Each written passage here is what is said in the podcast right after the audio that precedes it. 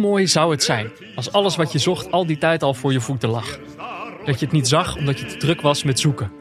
Hoe mooi zou het zijn als wij neutrale kijkers al die tijd zochten naar leuk voetbal in de Aziatische Champions League of de Zweedse Allsvenskan via obscure zenders en loesje streaming sites, maar dat we niets anders hadden hoeven doen dan op zondagavond 7 uur afstemmen op Studio Sport Eredivisie.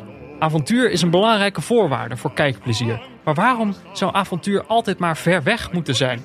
Waarom zou het avontuur niet al die tijd al recht voor onze neus gelegen hebben? Waarom zou een neutrale kijker niet gewoon kunnen genieten van Vitesse tegen Herenveen? Het is niet zo dat deze topploeg in de Eredivisie op de ranglijst en een subtopper er een spektakelstuk van maken in het eerste half uur. Het is meer een foutenfestival. Nu weer een eh, paasje wat listig had moeten zijn. Nou ja, de bedoeling was dat van Tanane.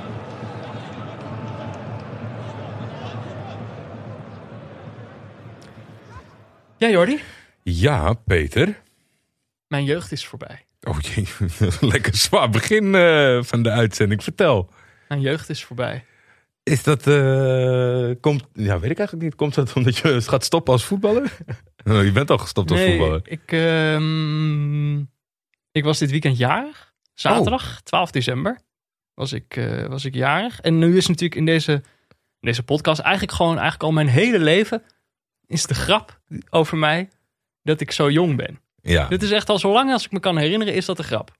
Overal. zelf geïntroduceerd overigens. Ik heb daar Ja, nooit, eh, ik heb daar nooit uh, lacherig over gedaan. Het zal wel weer. Maar, Ik werd hoe, wel gek aangekeken dat ik met iemand van elf ging podcasten. Maar hoe, maar hoe oud denk je dat ik geworden ben zaterdag? ik denk dat jij eh 27 bent geworden. Kijk, zie je. Ben ik toch ook alweer ouder dan jij denkt. 28 ben ik geworden. 28 ja, zelfs. 28. En dat is gewoon, ja, we kunnen er la- lang of kort over praten, maar dat is niet jong. Nee, zeker niet. Nou ja, en dat was natuurlijk, eh, je kan niet zo heel veel doen eh, in deze tijden op je verjaardag. Dus mijn ouders zijn, zijn eventjes langs geweest, we hebben gewandeld door de, de buurt waarin ik ben geboren. Oké. Eh, en toen gingen we weer eh, terugwandelen. Nou ja, gingen zij naar huis. S'avonds nog even Ajax gekeken. En toen inderdaad, na die wedstrijd, eh, de spits die 90 minuten had gespeeld, Klaas-Jan Huntelaar, Ja. kondigde zijn, eh, zijn afscheid aan. Die eh, had helemaal een brok in zijn keel toen hij het bij de persconferentie vertelde. Eh, en hij heeft dus ooit gezegd, eh, als ik stop met voetballen, dan is mijn jeugd voorbij.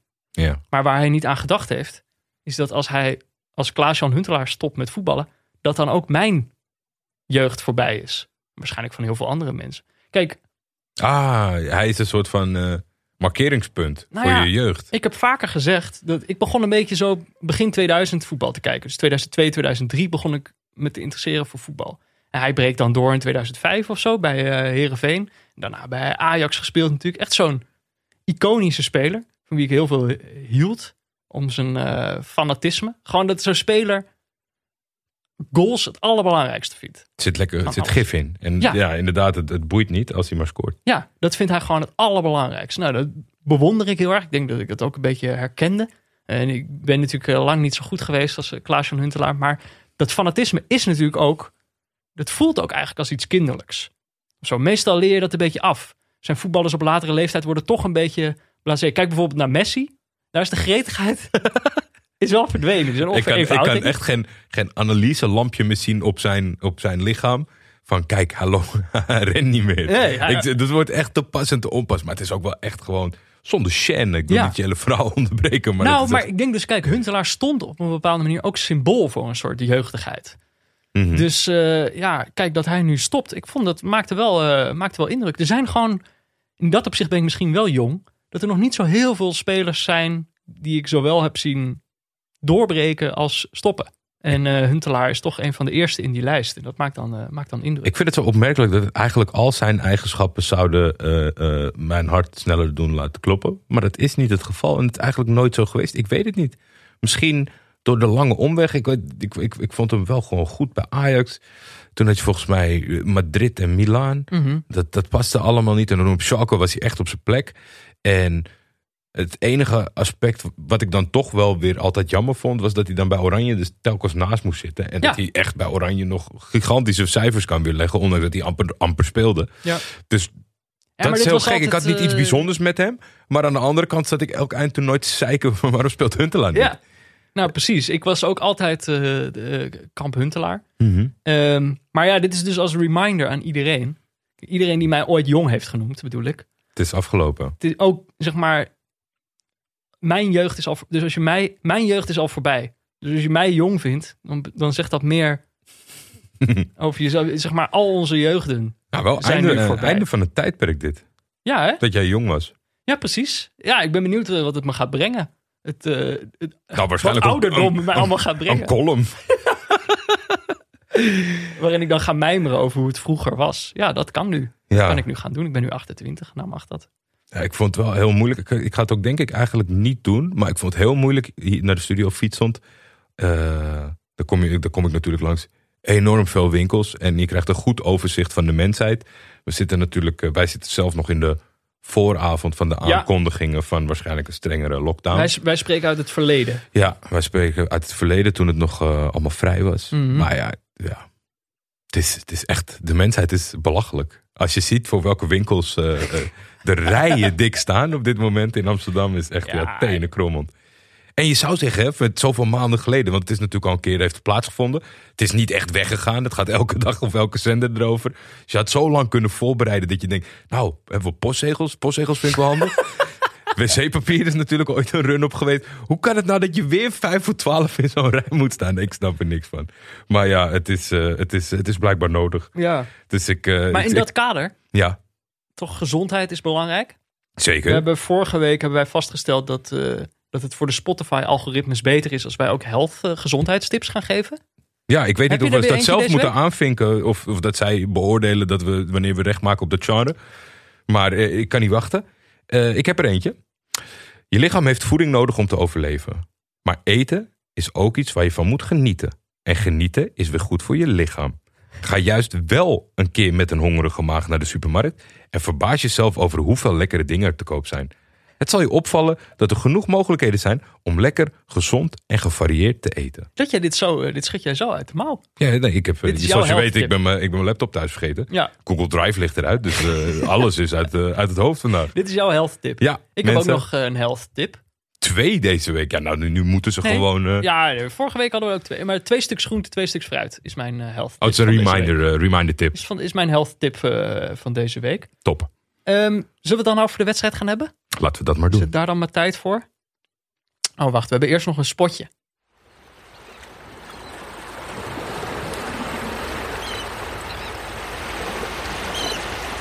Ah, Reizen. Weet je nog? Vroeger, toen we nog gewoon op reis konden. In een nieuwe aankomende special van Neutrale Kijkers nemen we jullie mee op reis in gedachten. Terwijl we thuis in lockdown zitten, dromen we weg naar verre voetbalstadions en vreemde clubculturen. Maar we maken die reis natuurlijk niet alleen. Ook deze aflevering maken we samen met onze vrienden van de show. Wat is de meest bizarre reis die jij ooit ondernomen hebt om een voetbalwedstrijd te zien? Vertel het ons in een spraakbericht van maximaal 1 minuut en stuur het op via vriendvandeshow.nl slash neutrale kijkers. Oké, terug naar de show.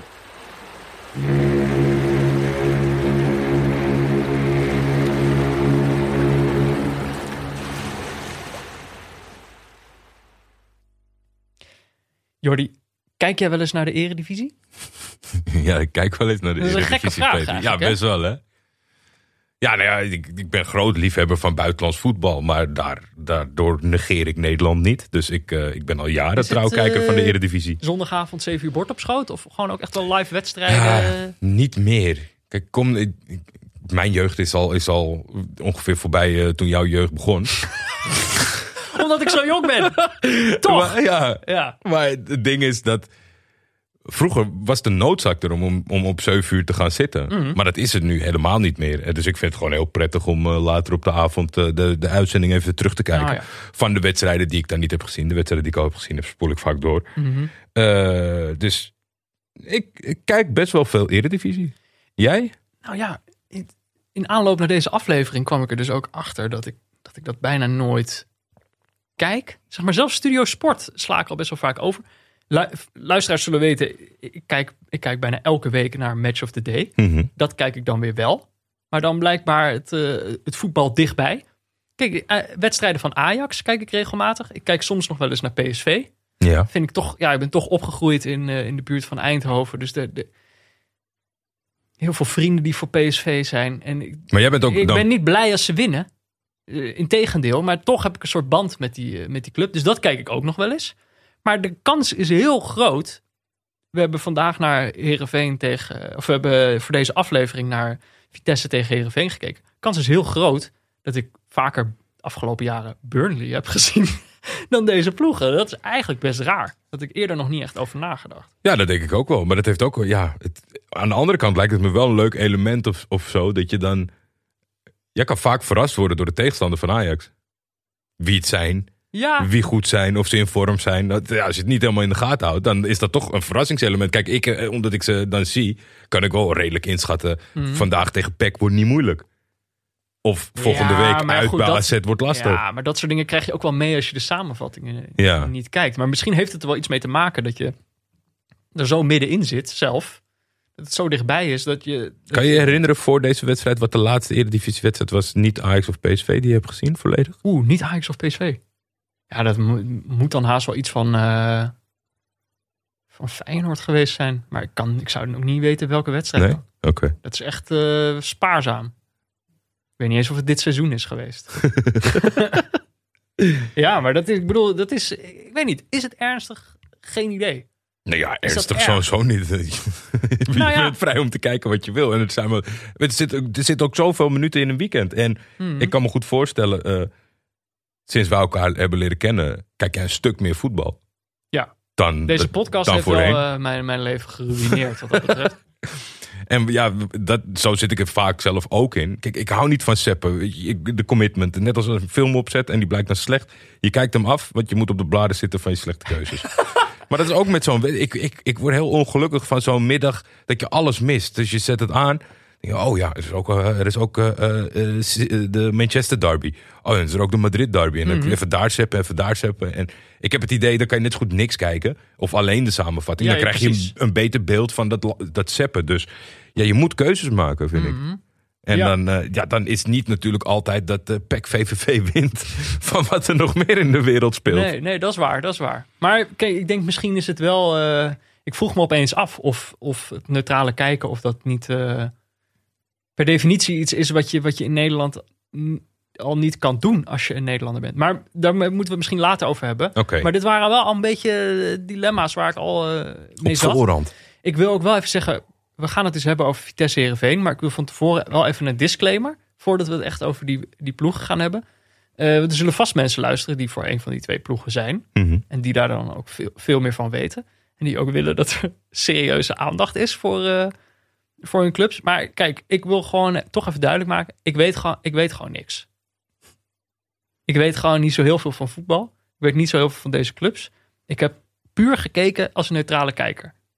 Dus ik heb eh, ze puur beoordeeld op vermaak. Bij alles wat ik zeg, moet je daaraan denken. Ja, bij mij is het precies tegenover. Ik denk dat er niet iemand rondloopt die meer weet van deze club. Nee, Je bent expert. Eh, nee ja, eh, hetzelfde. En dat is ook een beetje... ehm, clichés kloppen ook niet zo goed meer rondom clubs. Weet je, het is zo... Dat is, vind ik altijd wel een punt van het moderne voetbal. En dat, dat zie je ook, zeg maar, als je voetbalmanager speelt of wat dan ook. De roulatie van mensen is, is op zo'n hoog tempo dat je... Vroeger bij Heerenveen, dat de, basis, die bleef zeven jaar hetzelfde of zo. Mhm. En die werd dan weer aangevuld eh, eh, vanuit Scandinavië met een andere topper. En dan kon je die langzaam leren kennen, maar de rest was bekend. Achterin stond Hansson, ja. Dat, maar dat, dat, soms moet je gewoon zo'n ploeg nieuw leren kennen. Nou vind ik dat het best wel een beetje overdreven wordt gedaan. Want zoals bij Vitesse is dan volgens mij het algehele beeld van... eh, wie zijn die gasten? Ja. Nog nooit van... allemaal huurlingen. Ja, ik, ik zag iemand zeggen, dat, nou, er zit geen Nederlander meer daar. Nou ja, volgens mij valt dat ook wel mee als we, als we naar de wedstrijd kijken die we hebben gekeken. Mhm. Maar de ingrediënten vooraf en waarom onze keuze hierop was gevallen is natuurlijk duidelijk. Vitesse stond tweede. Had vorige week zelfs, eh, als ze geen foutje hadden gemaakt, eerste kunnen staan.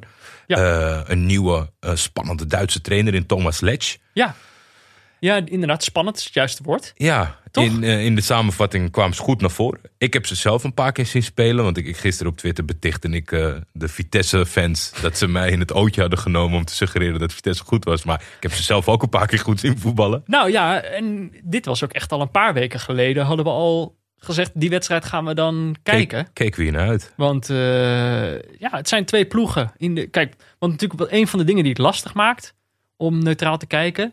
En daar moeten we dan gewoon eerlijk over zijn. De club waar ik een voorkeur voor heb in Nederland is Ajax. Mhm. Dus eh, alleen daardoor kan je al moeilijk eh, onbevooroordeeld kijken naar eh, Feyenoord, PSV, AZ in mindere mate. Omdat die toch echt concurrenten zijn. Maar dit zijn dan twee ploegen van de categorie. Waarbij ik, ja, die gun ik het eigenlijk allebei wel. Ja. En als ze goed voetballen, dan ben ik gewoon, gewoon benieuwd. Ja, er werd ook zeker gezegd over Heerenveen... die voor de wedstrijd op nummer 7 stond.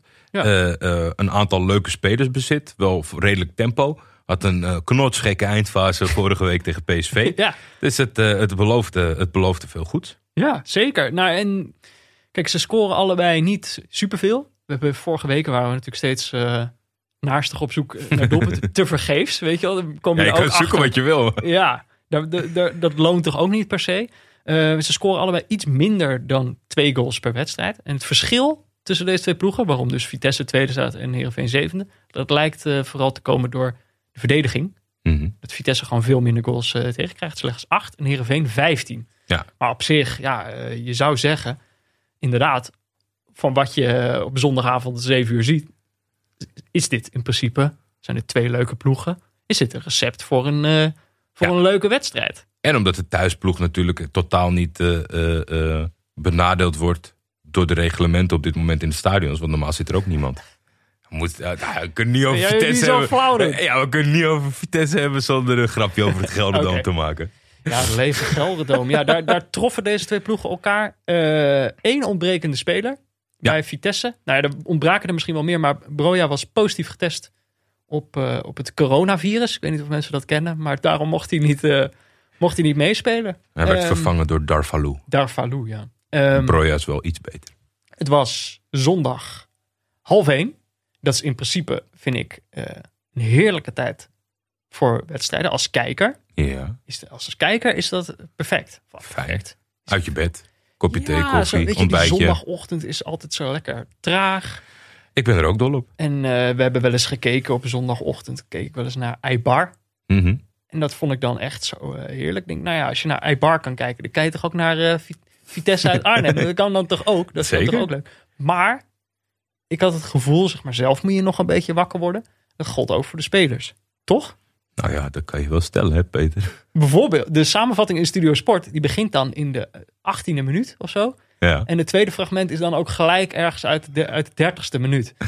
Waarbij Ja. de opmerking ook zijn, ja, het moest een beetje op gang komen in, eh, in Arnhem. Nou, dat was wel het geval. Dat is eh, redelijk eh, mild gezegd door de, de commentator van dienst die deze wedstrijd moest bespreken. En er was echt, er was helemaal geen reet aan. Dus ja, sorry dat ik het zeg, maar er gebeurt op zich nog wel iets uiteindelijk in deze wedstrijd. Maar dat, die beginfase, dat, het sloeg echt helemaal nergens op. Het was ook niet zozeer. Het was wel, normaal gesproken is het niet dat ze het niet willen, Mhm. Maar dat ze het gewoon niet kunnen. Maar Ja. ik had nu het idee dat ze het niet wilden. En dat vind ik heel vervelend als kijker. Nou ja, eh, niet willen. Eh, ik had het gevoel, en dat vroeg ik me af in het begin. Er werden gewoon de hele tijd slordigheidsfouten gemaakt. En in- eigenlijk, wij klagen vaak dat ploegen te goed georganiseerd zijn. Omdat er daardoor gewoon eh, weinig eh, onvoorspelbaars kan gebeuren. En in principe is slordigheid, is wat dat betreft een goed ingrediënt voor de neutrale kijker. Ja. Maar hier eh, was dat niet het geval. Het werkte niet. Het was de verkeerde, verkeerde type eh, slordigheid. of zo, toch? Nou ja, het was inderdaad verkeerde type Maar dan was het zo, een speler die de bal verliest. En dan wil, het, eh, wil Heerenveen meteen counteren. Maar dan, die raken zelf ook meteen de bal kwijt. En dan wil, Heeren, wil Vitesse weer. Die raken dan weer de bal kwijt. Dus het was misschien niet het juiste type. Misschien is het beter als één van de twee ploegen slordig is. Ja, het was, Niet allebei tegelijkertijd. Ja, ik, ik, ja, misschien toch wel een klein beetje. Want ik had wel het idee dat, dat, dat Heerenveen een soort van eh, op maat gemaakt strijdplan had voor Vitesse. Al dan niet de slordigheidjes. Het was wel, zeg maar, eh, ze gingen wel eh, gericht Hoe dan? te werk. Nou ja, ik denk toch wel door de belangrijkste spelers van Vitesse een beetje proberen uit te schakelen. Ja. Dat, dat, dat, dat kreeg ik wel het idee. Ik had Mhm. het idee dat Tanane moeilijk in de wedstrijd kwam. Ik had het idee dat eh ehm, Openda best wel goed gedekt werd bij, bij, bij Vlagen. En of dat dan nou allemaal toeval is, dat vond ik misschien iets te veel toeval. Maar aan de Mhm. andere kant, ik raakte ook gewoon mijn concentratie kwijt. Dus het kan ook zijn dat ik dit gewoon verzin. Maar ja, ik, ik, ik, ik kom me, ik, kon, ik, ik heb echt met alle goede intenties, eigenlijk zoals iedere week, Ja. ga ik daar zitten, eh, eh, braaf dat ik ben. En, ja, we, we en, werden weer op de proef gesteld. ja, behoorlijk. Ik wil dan toch even, jij noemde hem al, Tanane. Mhm. Als er iemand was die nog wel echt rekening hield met, met ons, dat het ook voor ons leuk moest zijn, dan was hij het wel, toch? Er Ja, dat- waren, de, de leukste momenten speelden zich af als hij aan de bal was of in de buurt was. Ja, ik denk, ik denk ook het fijne aan een speler als Tanaan is dat hij, dat, dat, dat hij eigenlijk geen andere modus heeft. Het kan een dag niet meezitten of hij kan een slechte dag hebben. Maar aan zijn intenties zal het nooit liggen. Want het is gewoon een super attractieve en creatieve speler. Ja, nou en hij, ik bedoel, het is ook dan ook niet toevallig dat hij het dan is in de 38e minuut die, eh, die voor de 1-0 zorgt. Hij maakt hem niet zelf. Nee, Eh, ging maar, een lekkere, een lekkere Braziliaanse actie aan vooraf. maar dat is gewoon wat in deze wedstrijd opviel. En het kan zijn omdat iedereen slordig was. Maar het kan ook gewoon zijn, het valt soms zo op als één speler gewoon beter is dan alle andere spelers op het veld. En dat Ja. had ik gewoon met hem. En dat zat helemaal in deze actie. Gewoon met één beweging loopt hij vier spelers van Herenveen voorbij. Het is gewoon echt één eh, tikje. Of het zijn misschien twee tikjes. Men is ook wel gewoon, denk ik. Soms vergeet je wel eens dat er. eh, je denkt dat iedere speler iemand voorbij zou moeten kunnen komen. Ja. Maar dat beheersen gewoon heel weinig spelers. En, en, en dat is gewoon zoveel meerwaarde in, in het kijkplezier ook Ja. alleen al. Want het, ja, kijk, ik kan ze opnoemen: Bero, Tronstad, eh Doekie, Rasmussen, Witek, Darvalu. en dan ben ik nog bij één ploeg. En dan gaan we naar de andere kant. Dan heb je Nigren, Congolo. Nou, Joey Veerman heeft andere kwaliteiten, vind ik niet per se slecht. Maar Henk Veerman ook niet. Woudenberg, Boswieg, Hekken, Floranus. Wat je bedoelt, het zijn allemaal spelers die niemand voorbij komen. Dit zijn Ah, spelers. Floranus misschien wel. ja, Floranus, maar misschien, je hebt heel veel gasten die dat ook op snelheid doen, zeg maar. En dat vind ik wel anders. Tanane, zoals hij in die vijf Ja. meter even passeert, ruimte voor zichzelf maakt met een actie. Ja. Het is geen grap, hè, dat ik die mensen, dat- ik noem bijna de twee volledige ploegen op, Ja. die dat gewoon niet beheersen. Ik vond, hoe heet het heel leuk? Manouf. Weet je, heel erg jeugdig enthousiasme, proberen naar voren te gaan. Het was allemaal niet eh supergoed. Maar Ja, het gevaar kwam ook nog van hem. ja, De eerste schot als het een keer, ja, daar liep ook wel eens tegen een man aan of hij liep in de weg, zeg maar, eh, Ja. als, als iemand wilde ontsnappen. Maar ja, ik vond het, het heeft toch iets magisch om een speler te zien die... Op een of andere manier heb je ook, net zoals dat je denkt dat iedereen wel iemand voorbij komt, heb je ook al het idee dat iedereen toch wel ongeveer hetzelfde niveau is in zo'n wedstrijd. Niemand echt verder onder zit en niemand echt verder boven. Maar dan gewoon in één zo'n actie zie je van, oh ja, deze gast is toch echt wel een heel stuk beter dan al die andere gasten. Ja, Eh, en Darvalu is uiteindelijk degene die hem, eh, die hem binnenwerkt. Dan staat 1-0 voor Vitesse. Klopte ook wel bij het spelbeeld, toch? Eh, voor hoeveel kansen er werden gecreëerd. Ja Heerenveen, Heerenveen is niet aan de andere kant geweest die eerste helft. Nee. Misschien één keer, maar dat is echt, eh, echt de max. En die was niet tussen de palen. Dus wat dat betreft, eh, Vitesse bij rust, terecht voorsprong in een slecht kijkbare wedstrijd. Ja, eh, het was niet zo heel leuk voor de neutrale kijkers. Maar dan is er altijd nog de hoop. Toch, dat is het enige waar we ons aan kunnen vasthouden in dit soort wedstrijden. En ik hoor het de commentator nog zeggen. Heerenveen moet in de tweede helft meer risico gaan nemen. Nou Dat- ja, dus dan, daar ga je dan voor zitten. Dat klonk rust. hoopvol. Klonk heel hoopvol. Nou, straks zullen we horen of dat, eh, of dat helemaal van de grond gekomen is. Of ze ook meer risico zijn gaan nemen. Maar eerst natuurlijk een berichtje van onze sponsor.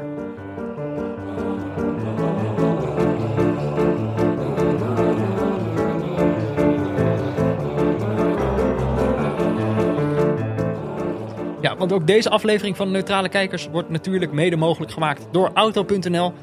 Eh, op de website van Auto.nl, dat is even kijken, www.auto.nl.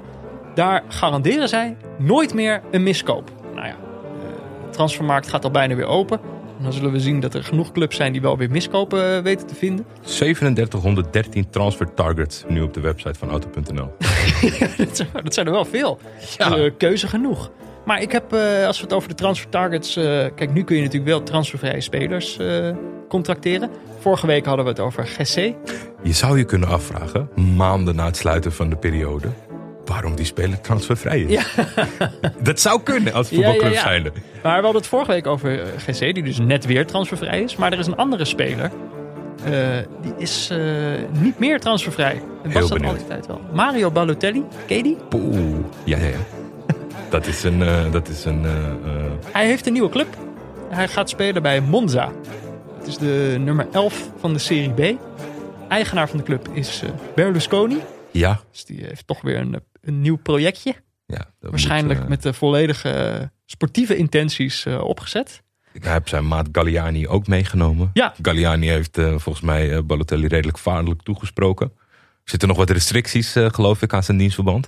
Oh, Hij moet op eh, 30 kilometer van de club, maar hij mag maximaal op 30 kilometer van de club gaan wonen. Dan kunnen ze hem in de, in de gaten houden. Oh. En ze hebben hem medegedeeld dat ze toch wel hopen dat hij ook inziet dat dit zijn allerlaatste kans is. Ja, hij heeft natuurlijk hiervoor speelde hij nog bij Brescia. Was ook de Serie B. Mhm. Had je op een gegeven moment die, lag je de hele tijd in de clinch met, eh, met eh, de, hoe heet het? De directie. En Oh, er ik was waren even bang met Tom van der Looy. Nee, nee, gelukkig niet. Daarover later meer trouwens. Ehm, nee, en er waren natuurlijk eh, de, was steeds racisme vanuit het publiek. Ja. Dus daar is hij niet heel lekker weggegaan. Je had op een gegeven moment dat rare filmpje dat hij in zijn auto zat en het eh, trainingscomplex niet meer opkwam. Herinner, herinner je dat filmpje nog? Hadden ze de code gewijzigd? Dan roept zo'n eh, journalist, roept, kom je er niet in? En dan zegt Balotelli, ze zeggen, ja, die, ze zeggen dat het aan mij ligt. Maar inderdaad, ze laten hem dan gewoon het terrein niet op. Super raar filmpje. Nou ja, gelukkig heeft hij nu dus een nieuwe club. Maar, oké, wat staat er allemaal achter zijn naam? Inter, eh, Manchester City, AC Milan, Liverpool, Milan, Nice, Nice. Marseille. Ja, toen, dus, eh, toen dus Brescia. Ja, oh, eigenlijk nergens echt Hij is toen. Insta live gegaan hè, bij Marseille, weet je dat nog? Nee? Volgens mij ging hij toen bij een doel, doelpunt, Oh ja, ging hij live op Insta. Dat, eh, hij scoorde en eh, toen met de telefoon. Ik vind dat bij iedereen, iedereen verschrikkelijk. En toen hij het deed, vond ik het... Ja. Ja, Nou, want ik zal je dus zeggen. Kijk, deze speler is vaak genoeg mislukt. Hij heeft zijn belofte eh, nooit waargemaakt. Eh, die er in het begin natuurlijk eh, wel was toen hij nog bij Inter zat. Ehm, maar, kijk, het is wel echt een iconische speler. Ik moet dan onmiddellijk gewoon... Jij moet dan hier aan denken, maar ik moet ook bijvoorbeeld denken aan dat, dat hij dat shirt omhoog trok met eh, Why Always Me. Mhm. Wat ik gewoon heel grappig vond, maar ook mooi symbolisch. Voor hoe je als voetballer, die constant in de aandacht is, toch ook waarschijnlijk kan denken van... Jezus, waarom moeten jullie altijd mij hebben? Terwijl je bij hem echt wel redenen... En waarom iedereen altijd hem moet hebben. ja. Eh, en, en dat hij in die oefenwedstrijd bij Manchester City op een gegeven moment is eentje op de keeper gaat. Onderuit en een hakje probeert. Gaat helemaal naast en meteen daarop gewisseld wordt. Mancini. werd helemaal gek. Ja, Hij heeft dartpijltjes gegooid op eh, jeugdspelers. Ik bedoel, de, de waslijst is, is eindeloos. Eh, dus het is een speler die, hij staat ergens voor. Je, je hebt zo allemaal anekdotes die je over hem kan vertellen. Hij is, hij, het is wel een iconische speler. Als je nou bijvoorbeeld Eden Hazard neemt. Ja, kan je, ik kan me niet eens één doelpunt van hem herinneren. Ligt misschien dan ook een beetje aan, aan mij. Maar ja, dat is gewoon... Het, zegt iets eh, over welke spelers je, eh, hoe je spelers ook kan koesteren, zeg maar. Zeker ik, eh, Eden Hazard is misschien een veel betere, succesvollere voetballer geweest. Ik denk dat je Mario Balotelli... eh, Ik probeer altijd eh, elke week een soort van auto erbij Mhm. te verzinnen. Ik denk dat je deze niet vindt op de website van auto.nl. Daar Nee. is hij iets te, iets te heftig Heeft hij voor. het te vaak eh, voor laten afweten. Maar het is wel een auto die iedereen kent. Om Ja. hoe, Het is, het is eigenlijk, denk ik, en dat, ik, ik hoop dat hij zich nu nog herpakt hoor. En dat zou dan die laatste mooie tour moeten zijn met je oldtimer. Ik vind hem een beetje een, een, een hele gave sportwagen uit, uit een verleden. Mhm. Die gewoon af en toe. die altijd stuk gaat. Ja, dat moet je gewoon in je garage laten staan. Van genieten van wat je in het verleden daarmee hebt meegemaakt. Het is ook een beetje een auto met eh, zo'n zelfrijdende auto die helemaal rogue gaat. Die gewoon ergens die gewoon zelf verzint rijden. Tesla. Dat is, dat is Balotelli. nou ja, maar mocht je die, die onzekerheid willen voorkomen, eh, dan moet je natuurlijk gewoon naar auto.nl slash tralenkijkers. Hey Jordi, eh, de tweede helft. Wat viel jou op? Nou ja, je hebt, eh, volgens mij heb je mijn notities mee kunnen lezen. Dus op een gegeven moment begon ik ergens in de wedstrijd. Jij was niet meer naar voetbal aan het kijken. Nee, dit waren gigantische doeken. Mhm. langs het veld. Dat zie je nu veel natuurlijk, omdat er geen supporters zijn. En Nee, dat nee, ze zo eh, de mensen een beetje kunnen paaien en wat geld kunnen los, lostroggelen. Ja, de wat terug doen. Precies. Tribunes En, worden eh, gevu- gevuld met spo- sponsordoeken. Ja, en dat is eh, in dit geval eh, in het Gelderdoom eh, was daar Mhm. Clean Mat Trucks. Clean Mat Trucks, ja. Dat is een van de grootste verhuurbedrijven. Dienstverlener in reinigingsvoertuigen. Kijk, Kan je echt alles... reinigingsvoertuigen. kolkenzuigers, eh, bakwagens. Zijn dat die autootjes met van die ronde borstels voorop? Die de... Nee, dat zijn veegmachines. Hebben ze ook. Ah, Oké, oké, oké. Kippers. Noem maar op. En dan had je, want eh, weet je, het, het viel wel op. Dus ik ben een beetje gaan Mhm. kijken wat die mensen allemaal doen. Burger Zoo, ken Ja. ik natuurlijk al. Vroeger vaak geweest. Succesparken. Goeie, de, goede dierentuin. Neutrale kijkers endorsement. Goede dierentuin. Eh, Succesparken, ik vond het een indrukwekkende naam. Succesparken. Ik- meestal op eh, van die parken vind ik nooit zo'n succes, maar blijkbaar daar kan het. Ja, anders zou het niet zo heten. Prins honden en kattenvoeding. Mhm. Nooit Dat is van denk ik, die, die doen dingen met honden en kattenvoeding, neem ik Mhm. aan. Voetbalshop, ik denk dat die dingetjes verkopen waar je mee kan voetballen. Denk ik ook, ja. Lijkt mij ook. En natuurlijk de hoofdsponsor. Waterontharder.com. Ja. Die eh, overal, eh, Waterontharder.com. die overal eh, te zien was. eh, de, de, de ledboarding. Drie doeken, één grote, twee kleintjes. Op de shirts van de, van de spelers. Nogal een loesje partij heb, ik jij, vernomen. Ja. Wat is, want inderdaad, heb jij een waterontharder? Nou, ik, ik had het niet. Ik, ik kon me er niet zo goed voor, eh, voorstelling bij maken wat het nou precies was. Nou ja, eh, dat water moet, ontha- moet onthard worden. Ja, toch? maar wat voor apparaat dat dan zou zijn? Of misschien was het een tabletjes. Ik Ja. weet ik wist het niet. Maar het is Ja. een heel gek apparaat wat om je, om je, om je waterleiding heen Ja, ik gaat. krijg er een beetje telcelgevoelens Ja, van. Heb je dat ja, ook? ja, ja, ja. Het heeft ook een heel telcellerige naam, hun eh, unique selling product. De Ampfa 4000. Ja. Ja, dat Dat, kan, dat die kan, onthard water. daar durf ik mijn creditcardgegevens niet in te voeren hoor. Als iets een iets- Ampfa 4000 Het heet. is iets met een magneet in je leiding of zo. Ja, ja, ja, ja. Het is een beetje zo van die armbandjes die ze bij het Nederlands elftal op een gegeven moment hadden. En die neusstickers. Nieuw voor balance. meer. eh, Ja. Ja, je had natuurlijk de Biostabiel. Ken je dat? Dat is Nee. zo'n kettingje dat werd aangeprezen. door Oh ja, weet ik Onder wel. andere Tineke de Nooi. Als ze dat openhouden, dan staat er alleen maar gewoon een magneetje in. Ja, dat nou? Ja, er zit een soort ondernemer achter die volgens mij nog steeds eh, zeer bedrijvig is. Italiaans genaamd. Ik weet het niet. Dat weten onze luisteraars vast. Ja, vast Maar ja, dat is, dit, dit, dit zijn de zaken die ik eh, allemaal aan het bedenken was in de tweede helft. Ja, want dat Eh. ging, ik bedoel, Heerenveen zou meer risico moeten nemen, maar dat gebeurde gewoon niet. Nee. Eh, wat er wel gebeurde, en dat moeten we dan toch even noemen. Ik wil het toch nog even over die wedstrijd hebben. Ehm, een goal van Heerenveen. Komt wel echt een beetje uit het niets. Het is niet alsof ze al minutenlang aan het aandringen waren. Eh, maar op een gegeven moment Nigrin kap naar binnen. Of je mannetje voorbij kwam, dat weet ik niet. Maar die, eh, die neemt Pasveer onder vuur van afstand. Die houdt hem eh, nog tegen, de eerste. Dan komt Floranus, de rechtsback, die komt vanaf, vanaf rechts naar binnen. Die neemt de rebound, die pakt Pasveer. en dan neemt Floranus nog een keer de rebound en die gaat er wel in. En dan staat het 1-1. Ik heb niet bijzonder veel met Remco Pasveer of, eh, of, of, of wat dan ook. Maar ik had wel met hem te doen bij dit doelpunt. Pak die derde gewoon, man. Nee, niet dat die- pak je die dan niet? Ja, maar die verdedigers, die verdedigers om hem heen. Ja. What the fuck? Weet je, ik vind altijd, ik vind die keeper zo dramatisch met dat bo- bo- boos worden, weet je. Het Mhm. gaat er een bal in de kruising en dan gaat zo wil hij niet toegeven dat, die gewoon, eh, dat het gewoon een doelpunt is. En dan Ja. wordt hij boos op alles en iedereen in zijn omgeving. Maar ja, nu, jezus, laat je keeper in de steek. eh, nou, dus laat je club maar in de steek, dat liedje. Maar dat, dat was in dit geval, laat je keeper maar in de steek. Ja. Triest. Echt triest hoe hij daar in zijn eentje boos stond te zijn. ja, en het zo lang goed deed en dan nog bij de derde rebound toch moet, eh, moet zwichten. Ja. Eh, en dan staat het 1-1. Meteen daarna, echt wel eh, binnen een minuut, nog een doelpunt voor Heerenveen. Een, lange afstandsstift. Hen Henkie Veerman ging in zijn eentje op de keeper af. Stift hem inderdaad mooi eroverheen. Gaat in de goal, maar hij juicht niet eens, want hij weet zelf... Nee, je hoorde al het publiek, buitenspel. Ja, het was inderdaad eh, ruim buitenspel. Eh, en dan op zich, dat is dan hoopvol. Dan denk je, oh, oké, dit, eh, dit belooft wat. Twee gigantische, of nou ja, eigenlijk drie, gigantische kansen in, in één minuut. Nu gaan we het krijgen, maar daarna is het, eh, is het klaar, toch? Toen ben ik even, even weggedommeld. Toen ben je weggedommeld. Even, ik zit even te kijken. Ditje. Cheryl Florana scoort in de 54ste minuut. Mhm. En ik werd wakker in de 72ste. Dus nou ja, laten we er twee minuten bij optellen voor het uh. Van 56 goed, tot eh. 72 was ik heel even weg. Powernapje. Ja, dus ik dacht, nou ja, die laatste, die laatste eh, wat is het? 18 minuten? Mhm. Ik zit er. Ja. Ik ben helemaal Je gepowernapt. bent scherp, je bent helemaal klaar. Maar eh, nou ja, het hoogtepunt wil ik nog wel noemen. Het is dan toch eh, weer Tanane. op een iets andere manier. Was ook wel. ge- Nou ja, hij gaat op een gegeven moment naar de grond in het penaltygebied.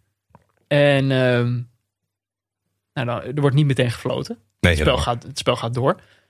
Kan ik me voorstellen dat je als speler, eh Tanane in dit geval, denkt: ik blijf even liggen. Zeker met de VAR. Zeker met de VAR. Van even Mhm. blijven liggen. Dan gaan ze op een gegeven moment wel kijken. Maar kijk, hoe langer er doorgevoetbald wordt. Want de spelers spelen niet de bal eh, buiten. Nee, dat is zijn, dat is zijn pech. Deze, Heerenveen gaat eerst gewoon aanvallen. Vervolgens Daarna gaat zijn eigen club aanvallen. Vitesse verovert de bal. Spelen hem ook niet buiten. Die gaan ook weer aanvallen. Dan zegt de commentator Leo Driessen zegt dan op een gegeven moment... En eh, ligt Tanane daar dan nog? Ja, want hij zat even niet in het shot. En dat schuift zo in het shot en ligt hij daar nog steeds. Er is natuurlijk een moment waarop je als speler moet denken... Ja, fuck, nou moet ik weer opstaan. Ja. Ze zijn helemaal niet aan het kijken. En Tanane denkt dan, nou, nog één minuut misschien. Nog Ja, één het was echt lang. Ik denk serieus wel twee, drie minuten, denk ik. Ja, Dat dat duurde. meestal zie je als de, als de aanval eenmaal komt... dat je dan denkt, snel opstaan en toch weer aanvallen. Ja, ik vond wel sympathiek dat hij dat niet deed. Ik hou daar niet zo van. Nee. Dat als je doet alsof je ernstig geblesseerd bent Mhm. en dan opstaat, eh Luis Suarez is daar koning in. Ja, Daar ben ik niet zo van. Dus wat dat betreft vind ik het goed dat hij zijn act afmaakte.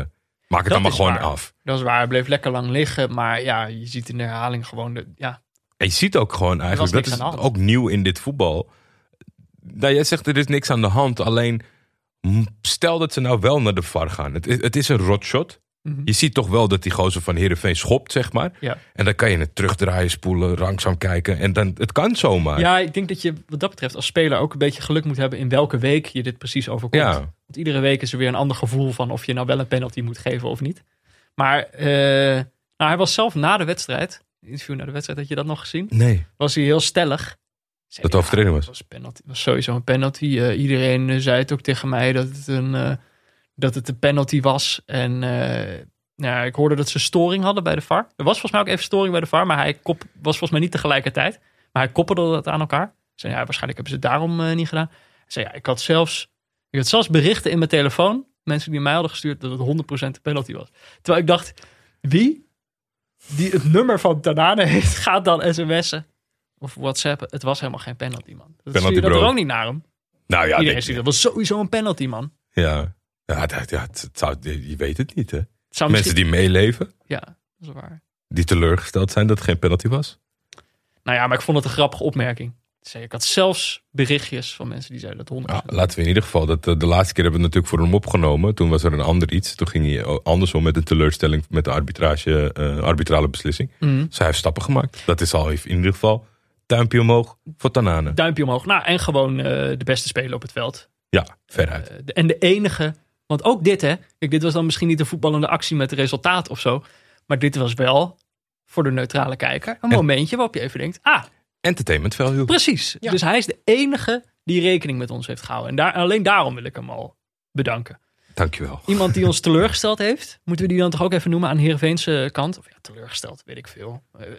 Kwam gewoon helemaal niet in de wedstrijd voor voor mijn gevoel. Terwijl daar had ik toch echt wel zin in. Zeker omdat hij tegen PSV een goede wedstrijd had Mhm. gespeeld. Eh, Henk Veerman. Ja. Ik heb eh, eerder geopperd dat hij, mee, dat hij mee moet als pinchhitter. Onder andere, onder andere. Ja, het, was ja, al, het was een lijst. Bas Dost ook. En, eh, maar eh, een van zijn concurrenten, moet ik wel zeggen, die is afgevallen. Oh, ja, Wout Weghorst. Sorry, ik moet het toch even zeggen. Die kan niet mee, vind ik. Die kunnen we niet meenemen met goed fatsoen. Ik eh, ben benieuwd. Gecanceld. Is hij gecanceld? Ik, nou ja, Jij als cancelt hem bij als deze. het nog niet is, dan wil ik hem bij deze cancelen. Waarom cancelen we Wout? Nou ja, omdat hij op zijn Instagram dan zo'n bericht zet. Ook echt ver na de meute. Kijk, je had op een gegeven moment dat, dat Doutzen Kroes op, opeens rare berichten over, over de pandemie online ging zetten. En over hoe je zelf onderzoek zou moeten doen en zo. Ja, dat is maanden geleden. Toen was dat een beetje in de mode. Wout Weghorst die komt nu opeens met dat soort berichten. Met een soort bericht van... eh, wat voor een vaccin... Weet je, waarom zou je met angst gedwongen moeten worden om een eh, vaccin te nemen? Wat zit er dan in? Imagine a vaccine so safe you have to be threatened to take it. Ja, For a disease so deadly you have to be tested to know if you have it. nou ja. Dr. Cristiano Ortpoep. Otroep. Nou ja, en dan nog iets erbij van doe zelf je onderzoek of zo. Nou ja, eh, kijk, ik vind eh sceptisch is helemaal niet verkeerd. Mag eh, Wout Weghorst voor mij best hebben. Maar joh, die, die- die- er zijn gewoon mensen dood aan het gaan, man. Er zijn al zoveel mensen gestorven aan deze ziekte. En dan die decadentie van zo'n van de voetballer met een geweldig salaris. Ja, ik snap dat het voor hem er allemaal niet zo ernstig uitziet. Maar het is... Nou ja, Wout, daar is gaat, je, daar gaat je EK. Ik, ik vind dat wij vaker voetbalgerelateerde zaken mogen cancelen. ja? Ja. Als je ziet eh, de gretigheid waarmee de maatschappij dat doet.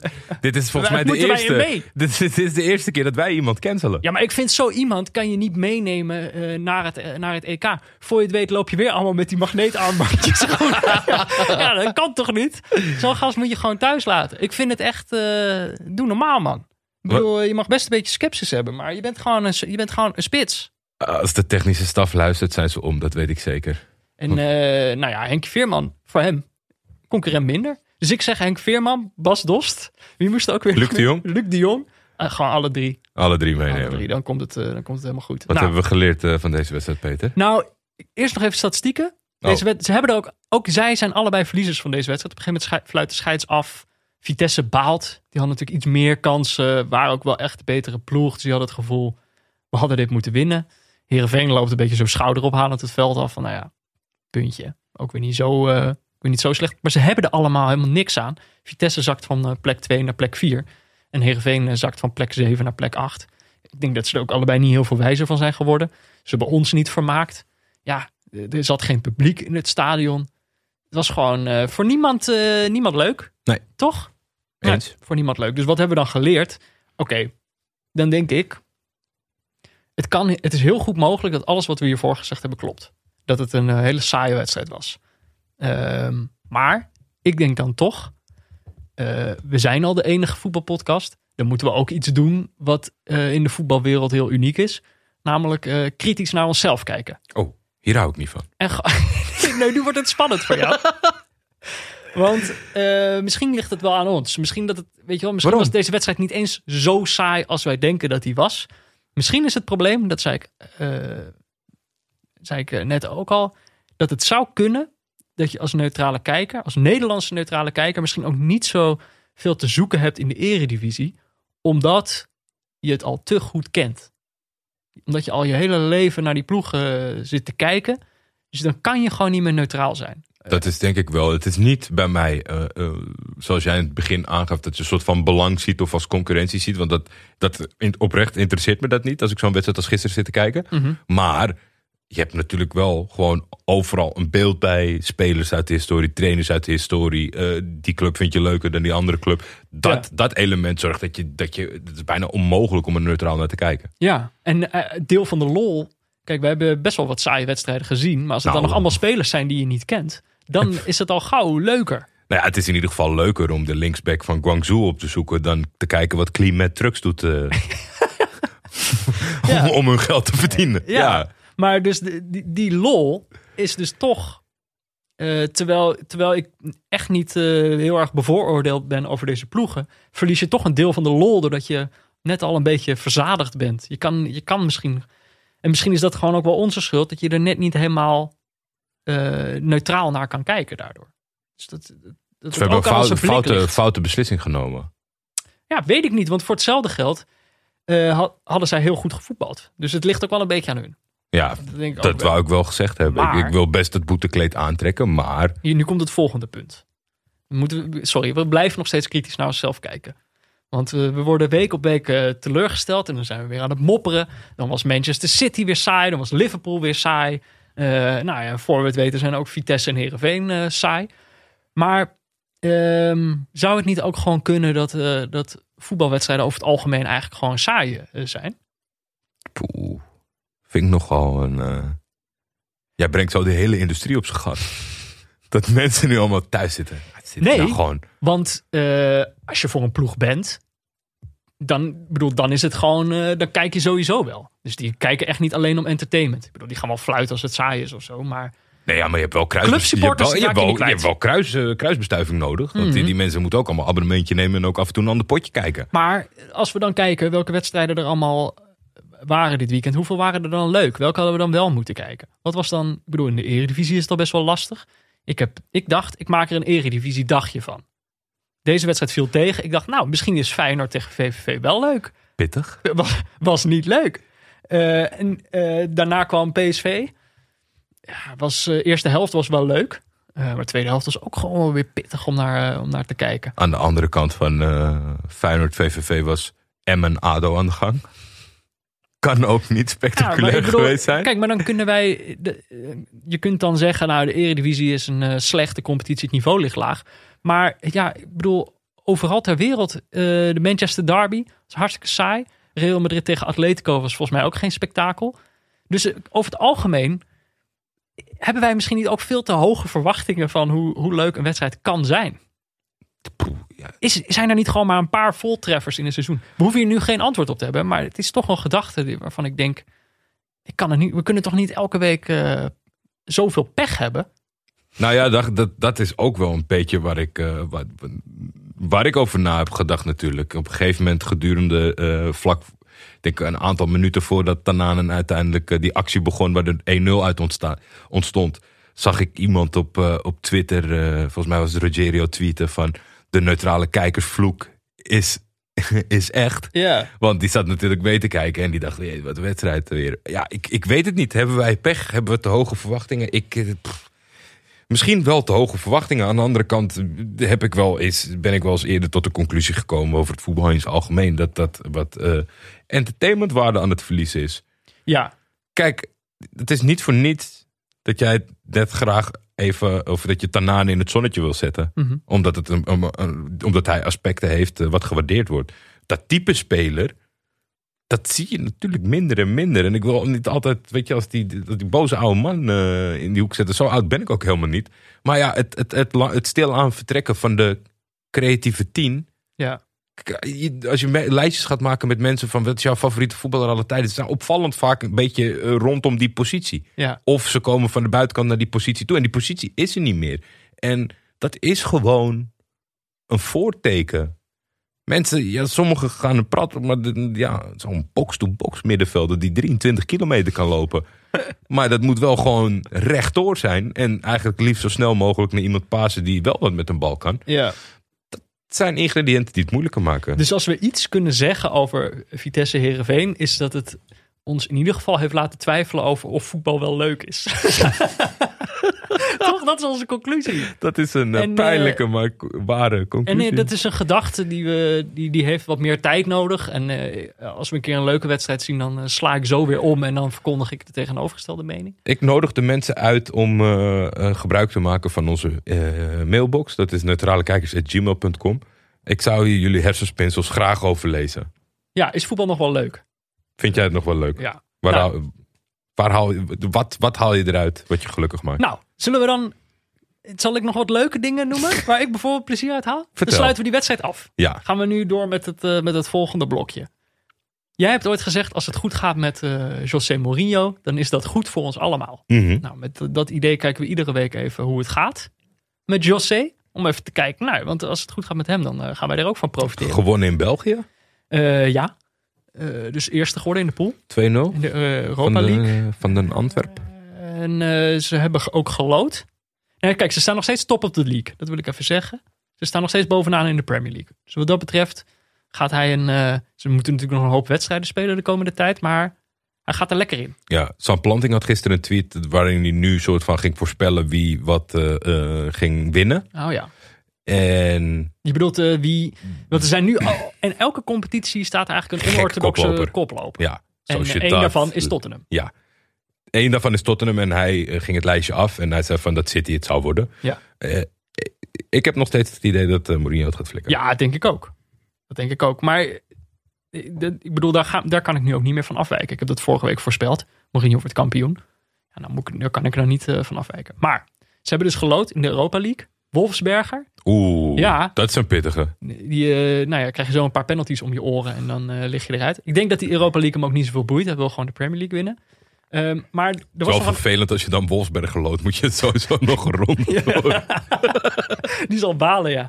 Eh, nou ja, hij heeft natuurlijk wel een reputatie dat hij het liefste tegen grote ploegen speelt. En hij heeft in de Europa League groepsfase nou, bedoel, ook verloren van Antwerp. Dus vaak genoeg laten zien dat Dat is een walgelijke tweet opbrengen. voordat ik hier naar binnen liep. Over Oh. een, een, een Britse journalist die stelde dat eh, met de- bij de loting had City eh München Gladbach gelood. Ja. En dat het het zoveelste eh, eh, kleine affiche was voor City. En dat ze de horde wel moesten nemen. Maar of, ze, of, of, of de demotivatie ze niet in de weg gaat zitten. Dan denk ik, oh jongens. Jullie hebben nog nooit die prijs gewonnen, man. Gek. Muzikladbach hartstikke leuke ploeg. Ja. Dus een beetje met respect. Maar er was nog een, Sorry. er was in de Champions League was er nog een loting. Mhm. Met eh, ook een Mourinho-tintje. Eh, namelijk, ja, Chelsea loot eh, Atletico Madrid in de Champions League. En toen ging, werd er een opstelling opgeduikeld op Twitter. Van de vorige keer dat die twee ploegen, of een vorige keer dat die twee ploegen elkaar troffen. Ehm, namelijk in 2014. Toen was Mourinho coach van eh, Chelsea. Toen speelden ze tegen Atletico Madrid. En nou ja, er komt een opstelling voorbij waarmee ze toen die tweede wedstrijd ingingen. Hij had, eh, ik, ik denk, als ik het zo zie, ik denk dat het kwam. Schwarzer staat op doel namelijk. Ja. Dat zijn basis, dat zijn basiskeeper die niet was. Mhm. Dat hij dacht, nou dan moeten we die jongen wat extra zekerheid geven. Oké, want er staat een verdediging voor. Viermans verdediging.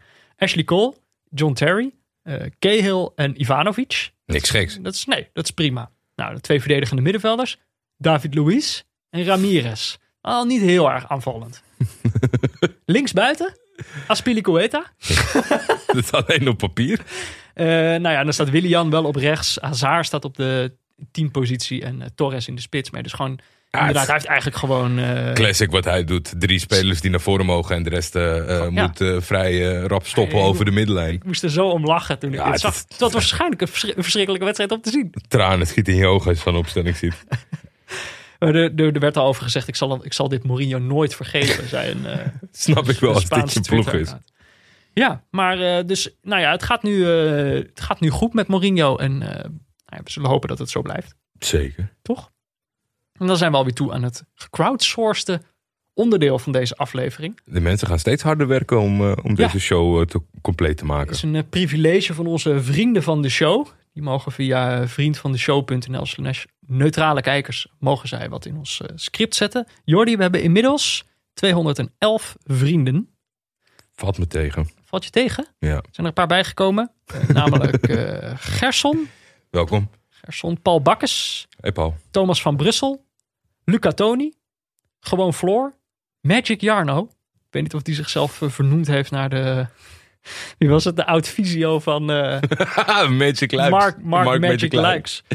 Van Beerschot. Beershot. Ru- Ruduwt en Piol Kroef zijn de nieuwe vrienden van de show. Welkom. Moeilijke namen, maar wel welkom. Ja, allemaal tongtwisters, maar allemaal welkom als vrienden. We hebben natuurlijk nog steeds een doel. We zitten nu op 2011, eh, 211. En als we 250 vrienden hebben, dan gaan wij samen voetbalmanager spelen op Twitch. Eh, maar goed, voor het zover is, zijn dus onze vrienden van de show hebben het privilege om een naam in ons script te zetten.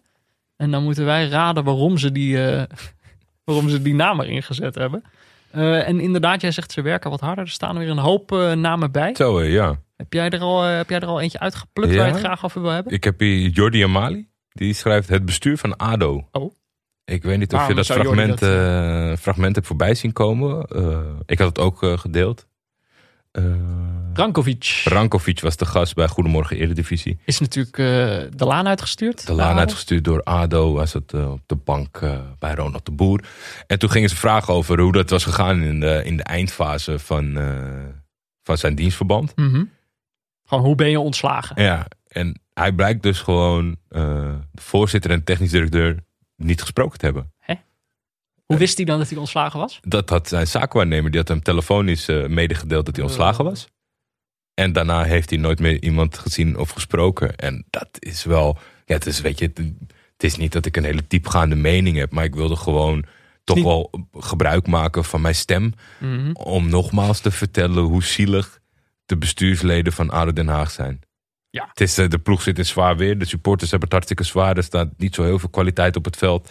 Eh, ik geloof dat er ook een redelijk supporterschade achter, eh, achter hem stond. Mhm. Wat dat betreft. Hij gaf ook nog wel meer dingen aan. Dat hij zei van ja, ze hebben me twintig eh, halve spelers gegeven. Had me vijf goede gegeven. Ja. Makkelijk praten misschien achteraf. Maar gewoon puur qua Jij denkt, hij heeft gewoon het fatsoen om hem netjes te ontslaan. Ja, maar dat, dat is toch on, het is toch bijna ondenkbaar in elke... Maar dat is vaak in het voetbal zo, maar in elke andere situatie. Want ja, in, in- normaal gesproken in het bedrijfsleven heb je geen zakenwaarnemer die je kan vertellen Nee, dat je ontslagen Ja, bent. ik ben blij dat die zaakwaarnemer het nog verteld heeft. Anders dan Dat je de Zeg maar, volgende dag ja, gewoon op de club komt. Komt hij op het veld, zo staat er gewoon opeens een andere gast. Dat iedereen zegt, wat doe jij hier? Sowieso, ik ben, ik ben de trainer. Nee, helemaal niet, ik ben de trainer. Je bent ontslagen, Rankovic, weet je dat nog niet? Ja, het is echt in en in triest. En Ja. de, de, de mensen die hierover gaan, dat zijn redelijke eh, bekende groot, eh, grote namen uit het voetbal. Mhm. En als je dan zo weinig klas hebt, ik wil dat even genoemd hebben. Ja, nou, dat is, dat is heel goed. Goed dat jij het toch nog opneemt voor het fatsoen. In de voetbalwereld. Ja, toch? Iemand moet het doen. Dank je. Iemand moet het doen. Oké, Kwebeman, Kwebeman, eh, vriend van de show Kwebeman, heeft de naam Pieter de Jong erop gezet. Groningen koek, eh Knols koekstuurder. Ja, dat is eh Kwebeman uit Groningen. Eh, ja, die heeft ons inderdaad, die heeft ons ooit Groninger koeken opgestuurd. Maar die hebben wij nooit gekregen. Want hij had het hier naar het kantoor van Dag en Nacht Media opgestuurd. En heeft Anne van Dag en Nacht Media heeft dat allemaal zelf op zitten Ah, het is echt schandalig. Wij hebben dat nooit gezien. Ja, toch Dus wij hebben in deze podcast vaak zitten zeggen... Nou, wij hebben die koek nooit gezien. Die heeft hij nooit naar ons gestuurd. Heeft hij dus wel gedaan. Triest. Anne gewoon op zitten. In en in triest van Anne. Heel triest. Nou ja, maar oké. Ado, hij kan zo, kan zo, Anne kan zo in het bestuur van ADO. Ja, misschien zijn we wel ontslagen. We hebben geen idee. Dan komen we straks pas achter als we thuiskomen. Ehm, maar die heeft Pieter de Jong erop gezet. Pieter Mhm. eh, de Jong met eh, GH op het einde. En hij heeft ook een bijnaam, The Champ. De champ. Ik had geen idee wie dit was. Dus ik moest even googlen. Ik heb dit natuurlijk opgezocht. Eh, nou, dan kom je erachter dat hij oud videoanalist is van AZ. Hij is assistent geweest van Gert Kruis. Eh, hij is trainer geweest van Mongolië onder de 23. ja, serieus. En hij is een trainer die nu in het Afrikaanse circuit terechtgekomen is. Mhm. Nou, we hebben tijdens ons seizoen over de Afrika Cup hebben wij een aantal van dat soort trainers gezien. Het is een compleet parallele wereld. Ja. Lijkt ook, als je er eenmaal in zit, dan blijf je daar ook. Het zijn allemaal een beetje rare types. Eh, het is een beetje een loesje gevoel krijg je ervan. Van als, als een Europese trainer daar terechtkomt, dan is er iets niet helemaal eh, in, de haak voor je gevoel. Nou ja, hij heeft ook, eh, ik kwam al berichten tegen dat hij drie weken geleden eh, weg was gegaan bij de club waar hij zat. FC Platinum in, in Zimbabwe. En dat hij een conflict had met de Afrikaanse voetbalbond over zijn diploma. Hij heeft dan een Europees trainersdiploma en dat voldeed dan opeens niet meer. Nou ja, dat was een hele rel blijkbaar. Toen is hij dus gewoon vertrokken bij die club. Ja. Maar dan denk je van ja, maar oké, dat was drie weken geleden. En eh, ik weet nog steeds niet waarom hij de champ heet, want ik kan niet vinden of hij iets gewonnen heeft. Maar dat was omdat ik aan het googelen was. Nou, uiteindelijk zocht ik hem op op Twitter. En misschien hebben mensen dit al gezien. Misschien is dit viral gegaan, dat weet ik niet. Maar dan snap je, dan hoor je ook. Ik zal het even aan je laten zien. Ik zal de link voor de luisteraars in de show notes eh, zetten. Ik ben heel benieuwd. Ik heb het oprecht niet gezien. Eh, ik laat eerst het filmpje zien. Good morning, everyone. Here is the champ, Peter de Jong, enjoying his breakfast at a very beautiful, nice restaurant. This moment is the champ enjoying his holiday at Victoria Falls. Very beautiful place. And I'm also looking to the office where I already did receive. No worry about the champ. The champ is very back soon on the pitch. Enjoy your weekend. Bye bye. Oké, dan kom je er nu dus achter. Eh, eh, die bijnaam, de champ, Die heeft hij zichzelf Die heeft hij gegeven. zichzelf gegeven. Hij tweet dus steeds, als hij, over, hij tweet dus steeds in derde persoon over zichzelf. Met de champ. Keurig. Maar dan denk je, oké, dat iemand dat in de tweet doet. Misschien houdt iemand anders het bij of zo. Maar hij heeft dus ook, in dit filmpje zit hij zelf aan de ontbijttafel. Als hij praat Tegen. over, over zichzelf, dan heeft hij dus ook over de champ.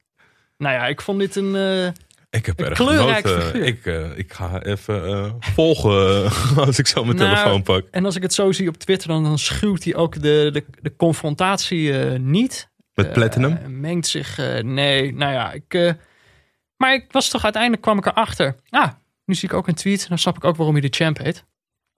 Hij heeft vorig jaar zijn first trophy gewonnen in Zimbabwe. Kijk eens aan. En nog eentje. Dus hij, nou, misschien, misschien is hij daar wel, ja, misschien is hij daar wel een veel grotere legende. Misschien moeten we daar wel eens kijken. Misschien moeten we naar de champ kijken. ja.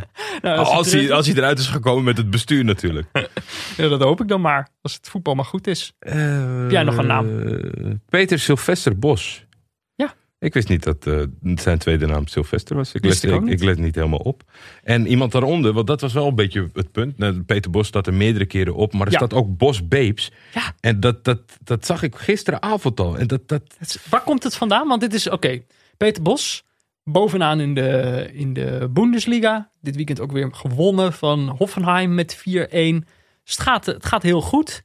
Maar dat team krijgt de bijnaam de Bos Babes. ja, ik hoop niet dat dat te maken heeft met de Busby Babes. Dat kan bijna niet anders, want dat was een zeer succesvol team in de jaren 50, geloof ik, van, Die zijn, van Manchester United. Het is even ongelukt. Maar die zijn verongelukt. Ja, dus ik weet niet wat, wat ermee geïnsinueerd wordt.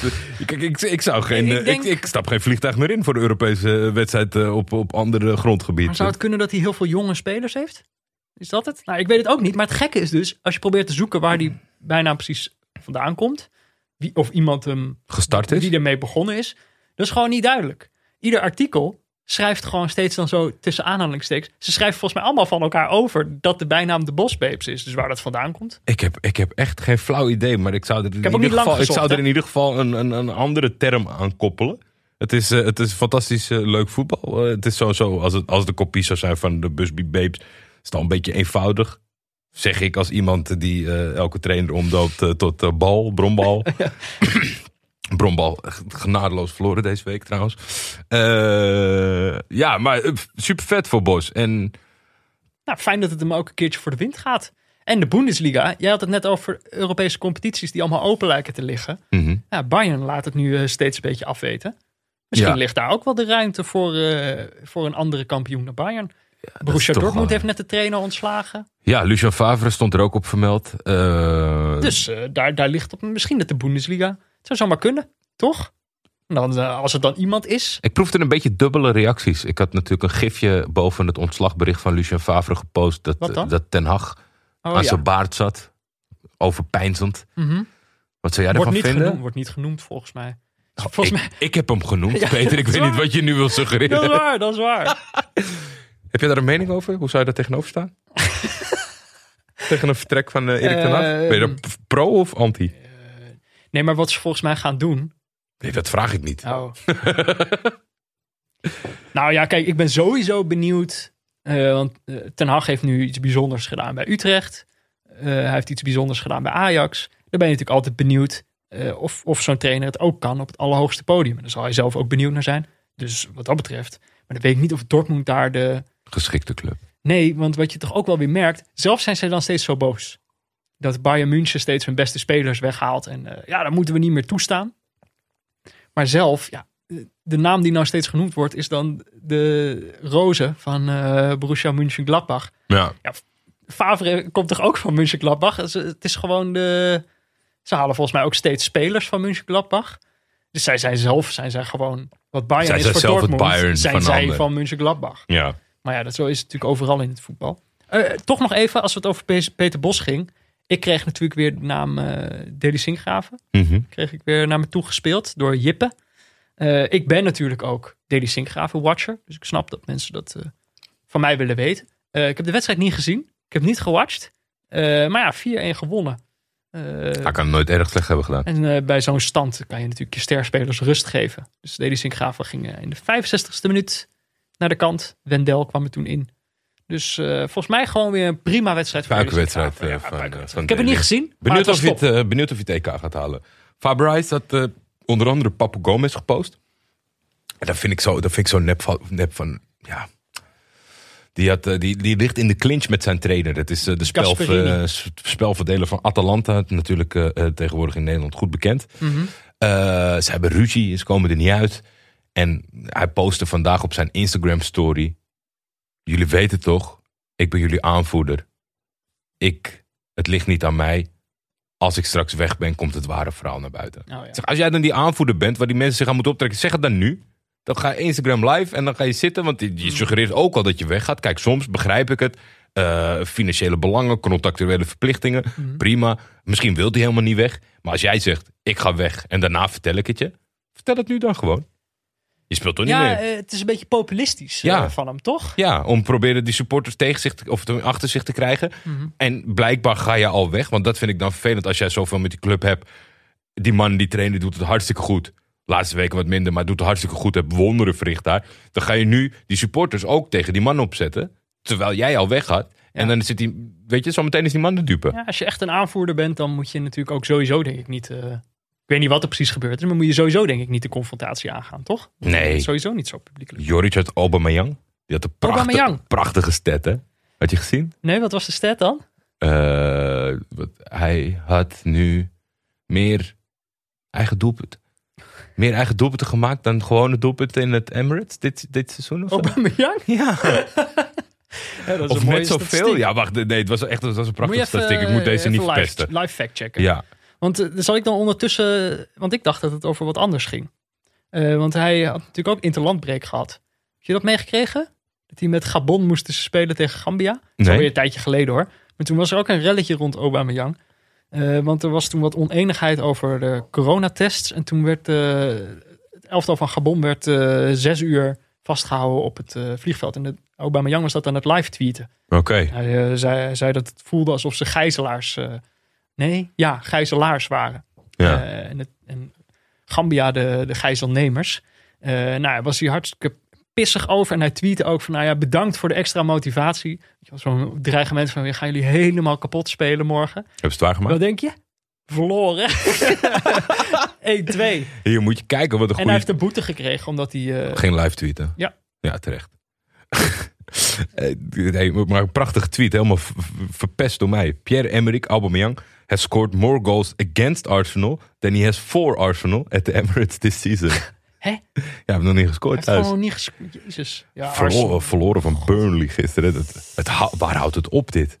Gaan ze eruit? Ja, ik weet het niet. Het gaat zo langzaam. Kijk, Schalke, die kreeg dit weekend. Die dachten eindelijk, die zijn volgens mij al 600 wedstrijden hebben ze niet gewonnen of zo. Mhm. Mm -hmm. En het leek er echt, nou, ze stonden uit bij Augsburg volgens mij 1-2 voor. Ja. En toen in de 93e minuut 2-2 weer niet gewonnen. Mhm. Mm -hmm. ja, daar gaat het langzaam echt uh, uh, richting. Uh, dat ze, ik denk dat ze zich daarop recht zorgen maken voor degradatie. Dat zou het zijn hoor, een grote club.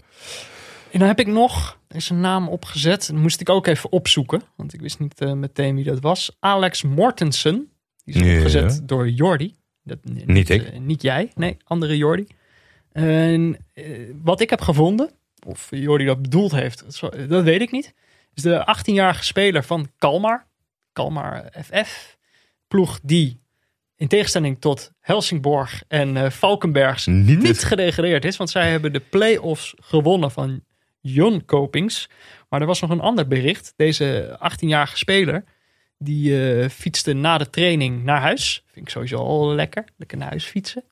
Jongensboek. Eh, ja, 18-jarige jongen naar huis fietsen. Nou, jongensboek. Want hij heeft op zijn terugweg naar huis... heeft hij eh, bij een brug iemand gered die zelfmoord wilde plegen. oh, En hij, is, hij heeft die man vastgegrepen en, en, en zeg maar er, er vanaf gepraat. Heldhaftig. Eh, ja, een 18-jarige jongen. En hij zei uiteindelijk, zei hij, als ik 10 minuten langer had getraind, dan was hij te laat geweest. Dus de les is volgens mij altijd op tijd stoppen met trainen. Ja. Want dan kan je iemands leven mee redden. Ik denk dat het de supporter van Helsingborg was.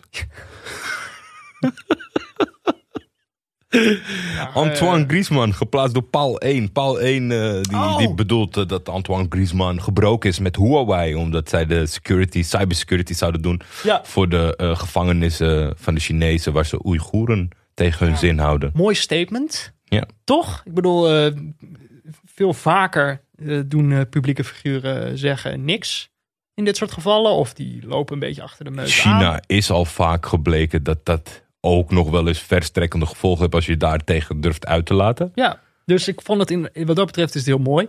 Maar het laat je toch ook nadenken.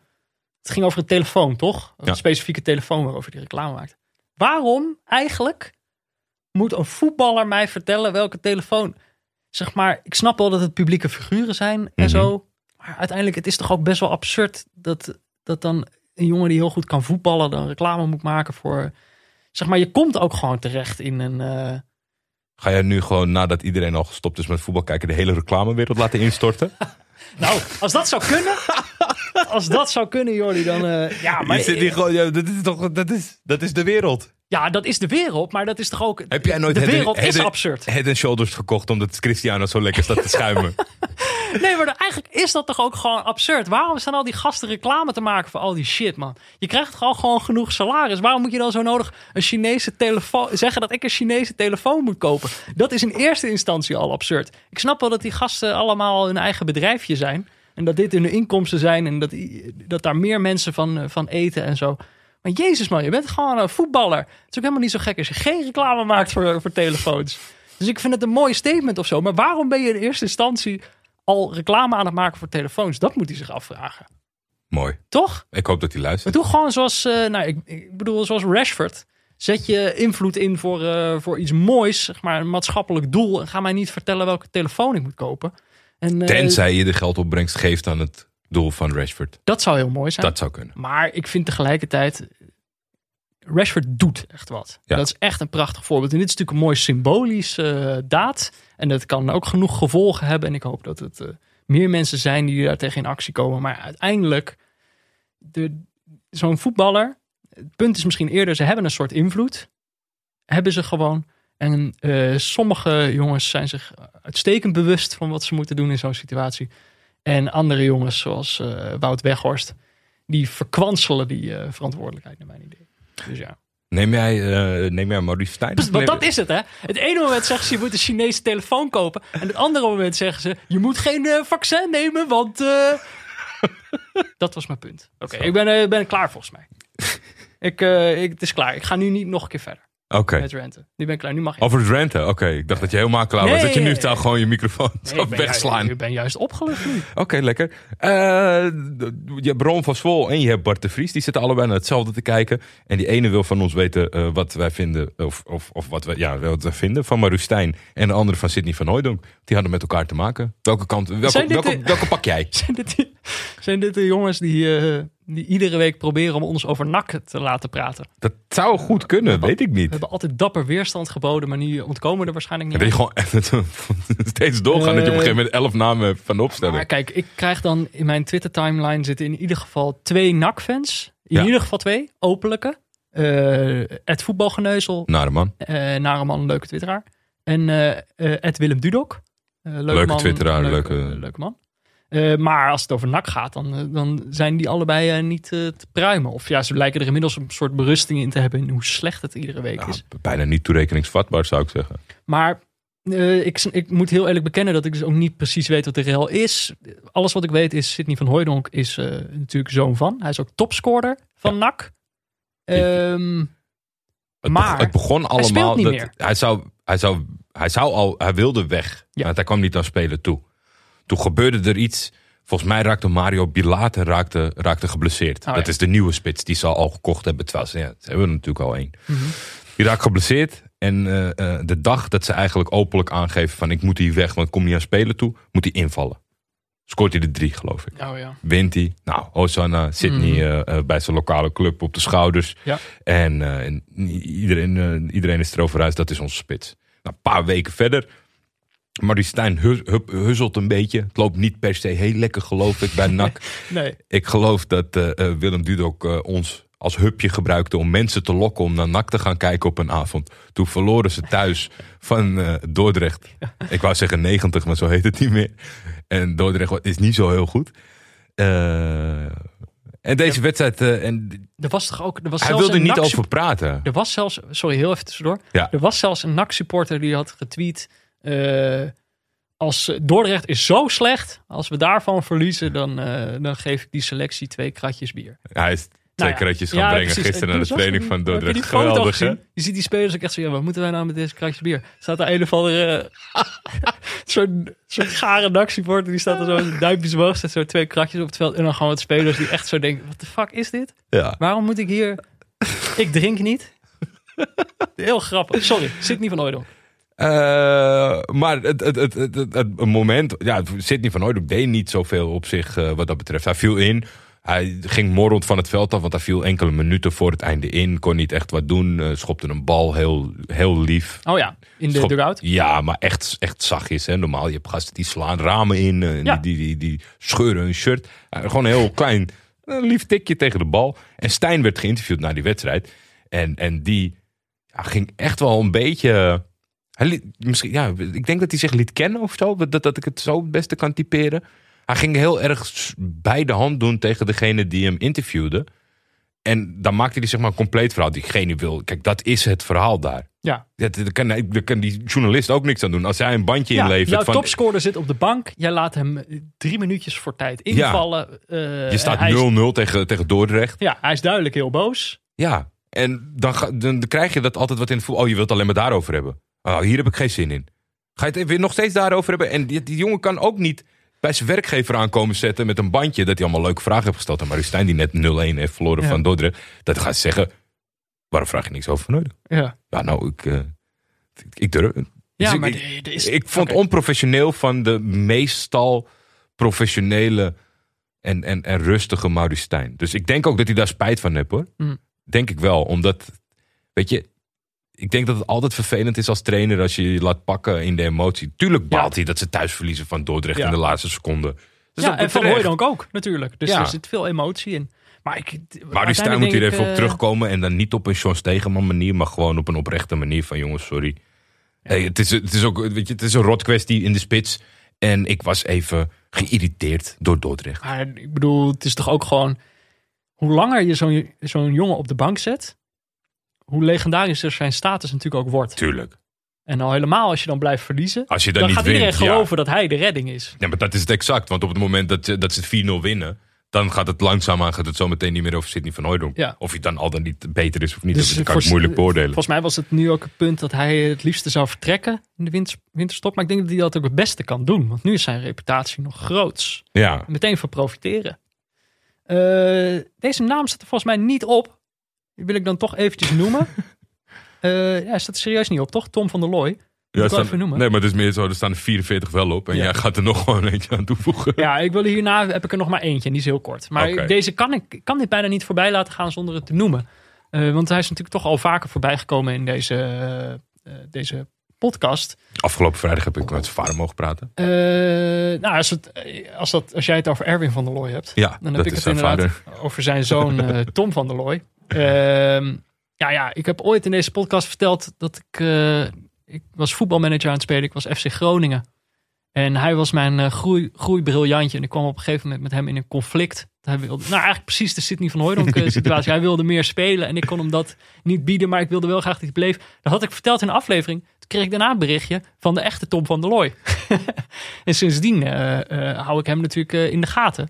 Mhm. Eh, ik probeer het toch ook een beetje goed te maken. Het gevoel dat ik het in het spel verpest heb. In- echt ja, ik, eh, maar er zit wel een, een klein beetje overlap in, toch? Hoe bedoel je dat hij ook echt vertrokken is? Ja, Ja, nou misschien wel. Hij is, misschien wel vanuit perspectief. hij is naar Brescia gegaan in de Serie B. En eh, daar speelt hij regelmatig. En hij heeft nu ook, ook nog eens eerste goal gemaakt. Na drie minuten al. Nou ja, en dat Zo'n was belangrijke. De 1-0 Jordi. is altijd het belangrijkste. op mijn verjaardag. Op jouw Een verjaardag. beter cadeau had ik echt niet kunnen krijgen. Dus nou ja, ik heb hem natuurlijk al persoonlijk ge- gefeliciteerd. Maar toch ook nog eventjes in deze, in deze podcast. Gefeliciteerd Tom met je eerste goal. Gefeliciteerd. En eh, ga zo door. Even kijken, ik heb een, eh, eh, een Turkse naam op de lijst. Oh ik ja. Ja, even dan- kijken. Tanner ik heeft merk steeds-. Als, er als er een Turkse naam op staat, dan denk ik, oh, die doet Jordi wel. ja, nou ja. Maar En nu nee, ik dit gezegd heb, krijg ik natuurlijk Turkse namen. soms heb ik ook zoiets van, weet je, als het heel, als het heel klein is, dan, dan vind ik het ook moeilijk. Weet je, moet heel veel context geven om Mhm. zoiets toe te lichten. Maar Çağdaş Atan is de trainer van Alanyaspor. Alanyaspor is momenteel koploper van de eh, Turkse Super League. Dat blijven ze ook ongeacht het resultaat vandaag eh, van Galatasaray. Dat is heel knap. Zij hebben een, eh, gisteren komen ze met een basiself die het lukt om eh, Beşiktaş, een grote club, opzij te spelen. Daar hebben ze anderhalf miljoen uitgegeven. Hij is heel inventief. Het was in het begin, weet je, in Turkije als er dan eindelijk eens een keer iemand wat nieuws probeert, dan is er, is er snel hype van, oh, dit is geweldig. Ja. Maar ik vind dat hij nu wel al wat langere tijd, ook als assistent en nu als eh, solo, eh, laat zien dat hij wat beheerst. Alleen, ja, dat heb ik ook wel eens gehad. In Turkije is het probleem gewoon of over gehad. Ze weten niet hoe ze zichzelf zo enorm in de weg zitten. En dat, daar is een medialandschap ook een onderdeel van. Deze, deze, manier? deze meneer Mhm. eh, wint van Beşiktaş, is koploper van de Turkse divisie. Ja. Gaat naar zijn persconferentie toe. Mhm. De Thijs Slegers van Ja. die vraagt aan de zaal, eh, zijn er nog vragen? Mhm. En er zitten gewoon een paar man in die zaal en die zeggen, hey, Nee. Dus hij vraagt zelf Charles Artan nog een keer aan die zaal. Er zijn geen vragen? En ze zo, nee, nee, nee, nee. Dus hij stapt op, hoofdschuddend en loopt die ruimte uit. Hè? Maar Staken of zo? Of wat was de... nou ja, vanwege de coronaprotocollen zitten ze volgens mij niet meer naast elkaar, die trainers. En in Turkije is het verhaal... I, I don't care, Alanyaspor. Beşiktaş heeft verloren. We gaan met de trainer van Beşiktaş praten. We gaan de, de vuur aan de, aan de schenen leggen. De andere clubs bestaan gewoon niet. En dat, is, dat weet iedereen een beetje. En dat is ook altijd zo. Maar zo tot uiting als gisteren. Ja, weet je, normaal heb je gewoon nog wel uit respect dat iemand zegt... Wauw, goed man. 1-0. Ja. Wat vond je ervan? Weet je, zoiets. Dan verzinnen ze wel Ja. iets. Maar nu zijn gewoon... de- Nee, nee, nee. Nee, ik weet Ik heb niks. Zo pittig zeg. Ja, dat is echt. En, en hoe hij daar wegliep. Maar ik ben wel blij dat het eh, op social media belandde. Mhm. En dat het dan een beetje... eh, eh, toch een beetje reuring kreeg. En dat zie je ook wel. De, de, de jongens die wat andere kijken hebben. Zeg maar die best wel groot zijn op social media in Turkije. Mhm. Die dat dan onder de aandacht brengen. Dus dat is allemaal wel goed. En dan zie je later die avond. Komt er een, een, van die schreeuwerige programma's die ze allemaal hebben. Ja. Die gaat hem dan interviewen naast de bus. Want heel veel van de fanatieke supporters... die zijn het dan nog eens, ook nog eens eens met die pers. Want die willen het alleen maar hebben over hem. Over VAR-beslissingen. Die, en dat ze geluk hadden en dat soort zaken. Dus helemaal niet voetbal inhoudelijk. Ja. Dus dan zie je ze van... eh, eh, toen ging hij daar een beetje zei van ja weet je ik heb geen zin om over scheidsrechters te praten het beeld is het beeld en jullie bepalen dat zelf maar zei, ja en daarom vragen we jou niks want je loopt altijd weg voor je verantwoordelijkheid dat is toch helemaal niet zijn zaak het is echt zo in en in triest gesteld eh, in Turks voetbal Maar die moeten we hem in de gaten houden? Is dit de nieuwe kroonprins van het Turkse trainersgilde? Eh, Ja, dat, is, dat, dat is een, een nickname die het in Nederland vooral niet goed doet. Dus dit wil ik hem niet opspelden. Maar ik zal de aankomende weken een paar keer eh, 90 minuten kijken of ik jou uitnodig om Oké. Alanya Sport te gaan bekijken. Oké. Eh, dan wil ik er nog eentje doen. Ehm, Ik ben heel benieuwd. ik begon deze aflevering met te zeggen dat mijn eh, jeugd voorbij was. Maar sommige jeugd... Kijk, ik, ben natuurlijk ik ben ik- al een stuk jonger dan... eh, Ik weet denk ik waar je naartoe ja, ik ben al een stuk jonger dan Klaas-Jan Huntelaar. Het is koud daar. Maar sommige jeugden duren veel langer dan de jeugd van Klaas-Jan Huntelaar. Namelijk Jari Liepmanen. ja, dat duurt zeker lang. Hoe, dit bericht heb je volgens mij al tien keer gelezen in je leven. Dat die weer terugkomt. Ja. Keert toch weer terug. Hij ging langzaam, langzaam nadenken over een terugkeer, toch? Bij zijn geliefde lach die. Ja, hij is eh, 49 jaar inmiddels. Maar inderdaad, hij denkt toch wel na over een terugkeer bij Rijnpas Lati. Waar hij nu traint. En dan kan hij, komt hij er waarschijnlijk achter dat hij nog wel net zo goed kan voetballen als al die gasten. Het is toch fantastisch? Zijn bijnaam en zijn probleem was zijn blessuregevoeligheid. Hij is de man van glas. En Ja. dat is de man die op zijn 49 nog een keer kicks aan. Misschien omdat hij zo weinig wedstrijden heeft gespeeld eh, gedurende zijn loopbaan. Ook gewoon een... eh, het zegt ook wel wat over zijn karakter, denk ik. Gewoon een soort onverstoorbare eh, liefde voor dat spelletje alleen. Ja. En dus ook, denk ik, de kracht om niet getraumatiseerd te raken door al die blessures die hij gehad heeft. Dat is Bijvoorbeeld zeker- Basten heeft gewoon gezegd, ik kap ermee. Ik ga nooit meer voetballen, doei. Ja. Dan is hij 28. En eh Liepma dus 21 jaar ouder. En die denkt, nou, ja, misschien eh, klim ik nog een keer in die wilg om mijn kiksen. Die hele wilg hangt al vol met voetbalschoenen. Maar ja, dat is, nou ja, we zullen het zien. Ik vind, het heeft iets, eh, nee, het heeft eigenlijk niet iets zieligs. Het is eigenlijk gewoon wel leuk, toch? Ja, wel. Ik vind het wel mooi. Omdat het, weet je, het is op, op, op een niveau en het boeit hem ook niet. Het is Het is ook niet in Finland. Het is ook niet in een gaar, raar land. Een soort Nee, en het is, het is ook, ik denk ook echt niet dat die, weet je, de, de invulling is vaak triest. Als iemand niet weet dat hij had moeten stoppen. Maar ik denk dat hij het meetraint met, eh met Lachti en denkt, nou ja, zo erg kan het ook weer ik- niet zijn. Neem ik de vrije trappen wel. Ja, precies, of de corners. Ja, maar eh, oké, dus Ik heb- dacht ik om, om in ieder geval mijn eh, gedeelte daarmee af te sluiten. eh, Ja, maar ik heb je zo nog wel nodig, denk ik. Sowieso wat, wat, wat, wat, wat eh, vragen, denk ik wel. eh Dick Advocaat. Die had de uitlating over. eh, die, die, die gaf op beeld aan van. eh gaf je als voorbeeld van de topclub Ajax. Sajant als trainer van ging over Feyenoord. het aankoopbeleid, geloof ik. Ja. toch? ja. Vond je. wat vond je ervan? Ik, ik, vind, het, ik vind het ergens Ja, het wel, is- wel leuk. Maar de ingrediënten in die hele saga rondom slot. dat is denk ik niet eh, juist. Nee, en ik denk ergens vind ik het eigenlijk ook, ben ik al, eigenlijk altijd blij als iemand de, hoe zeg je dat? De, regels een beetje doorbreekt van wat je hoort te zeggen. Dus ik vind dat eigenlijk altijd wel leuk.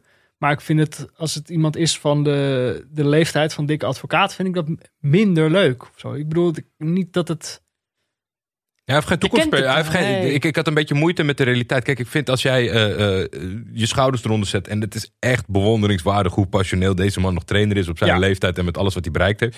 Dat dit dan zijn, zijn ultieme poging is om transfers los, los te weken in de winter, vind ik wel sympathiek. Maar hij weet natuurlijk, en we gaan, lang, we gaan meemaken hoe lang hij het nog volhoudt. Al die domme vragen over slot nu alvast. Ja. Of hij niet eerder opstapt. Dus dan vond ik het niet zo juist naar de, naar de achterbank Nee. toe. Eh, Louis van Gaal gezien met de kinderen? Ja, Ja? geweldig. Ja. Grappige beelden. Hij zit in een soort gymzaal voor, voor een klimrek. En hij praat tegen die kinderen. Dat vind ik wel echt een geweldige kwaliteit. Alsof dat gewoon volwassenen zijn. Volgens mij is dat ook wel hoe je dat eh, hoort te doen. Ja, en het was volgens mij in het kader van eh, de, deze week. God, welke naam hebben ze er nou weer opgeplakt? All Together Challenge of zo. Ja. Toch, het was toch in het kader daarvan dat hij met kinderen sprak over eh, gelijkheid. Ik vond het wel erg lang op zich laten wachten dat hij zei dat het een grapje was. Volgens mij wilde hij er eigenlijk ook niet op plakken. Maar hij dacht, ja, ik moet nu toch zeggen dat het een grapje is. Want anders worden er weer fouten opgepakt. Ja, maar dat is classic eh, Louis. Dat vind ik dan toch, eh, daar kon ik wel van genieten. Toch? Ja, Dat is gewoon wel leuk. ik ook. Ik vind En, het, maar eh, ik snap eigenlijk niet, want hij was dan nou opeens ook weer als analist op tv. Hij was gewoon weer eventjes, eh, Toertje. dat is toch altijd, veert mijn hart altijd weer even Misschien, op als weer misschien, even is. misschien was de vrouw op vakantie. Dat hij, eh, want hij doet natuurlijk heel veel met haar. En eh, daardoor moest hij ook een beetje afscheid. Ja, het is echt. eh, het is eigenlijk vervelend voor de, voor, de, voor de analisten. Als Louis een keer zegt: Ik kom wel. Want in de, de dagen daarop denk je: ja, dat andere was wel beter. Ja. Toch? Ja, vind, als je, ik als je vind het, Louis eh, gehad hebt, kan je niet meer terug. Nee, nee. Eh, daar kan ik geen bruggetje van maken. Maar ik denk toch dat we er niet goed aan doen. Ondanks dat we er misschien niet heel veel aan kunnen toevoegen hoor. Maar het, dit zal toch wel gek zijn als we, het- als we het niet noemen deze week. En dat is natuurlijk de, de, de gekke berichten die er gisteren loskwamen rondom Quincy Promes. Staat ook wel een paar keer genoemd. Ja, wat je zegt. eh, Of, ik denk niet dat we er zeg maar zaakinhoudelijk iets over kunnen Nee. melden. Nee, toch? Er Eh, valt niet zoveel zinnigs over te zeggen. Nee, was je enigszins eh, toch wel, want dat, dat was mijn grootste teleurstelling. Ik vond het ook lastig. Ik werd vanochtend gebeld door Van Niks of ik er wat over, weet je, of ik, of Mhm. ik in de, en dan denk ik, ja, wat, wat moet ik er nou over zeggen, Ja, behalve precies. de berichtgeving. Dat kon wel. Nou, maar ik ik was wel echt zeg maar... enorm teleurgesteld Oh. in de berichtgeving eromheen. Ja, want uiteindelijk denk ik eh, in dit soort gevallen. Ja, je, weet, je weet gewoon niet wat er gebeurd is. Nee. En eh, ik bedoel, ja, dat de Telegraaf het naar buiten brengt. Ja, dan, ik bedoel, die hebben wel vaker dingen naar buiten gebracht. Ja. Ehm, en ik denk dan van ja, laten we gewoon maar even wachten tot het duidelijker is wat er precies gebeurd is.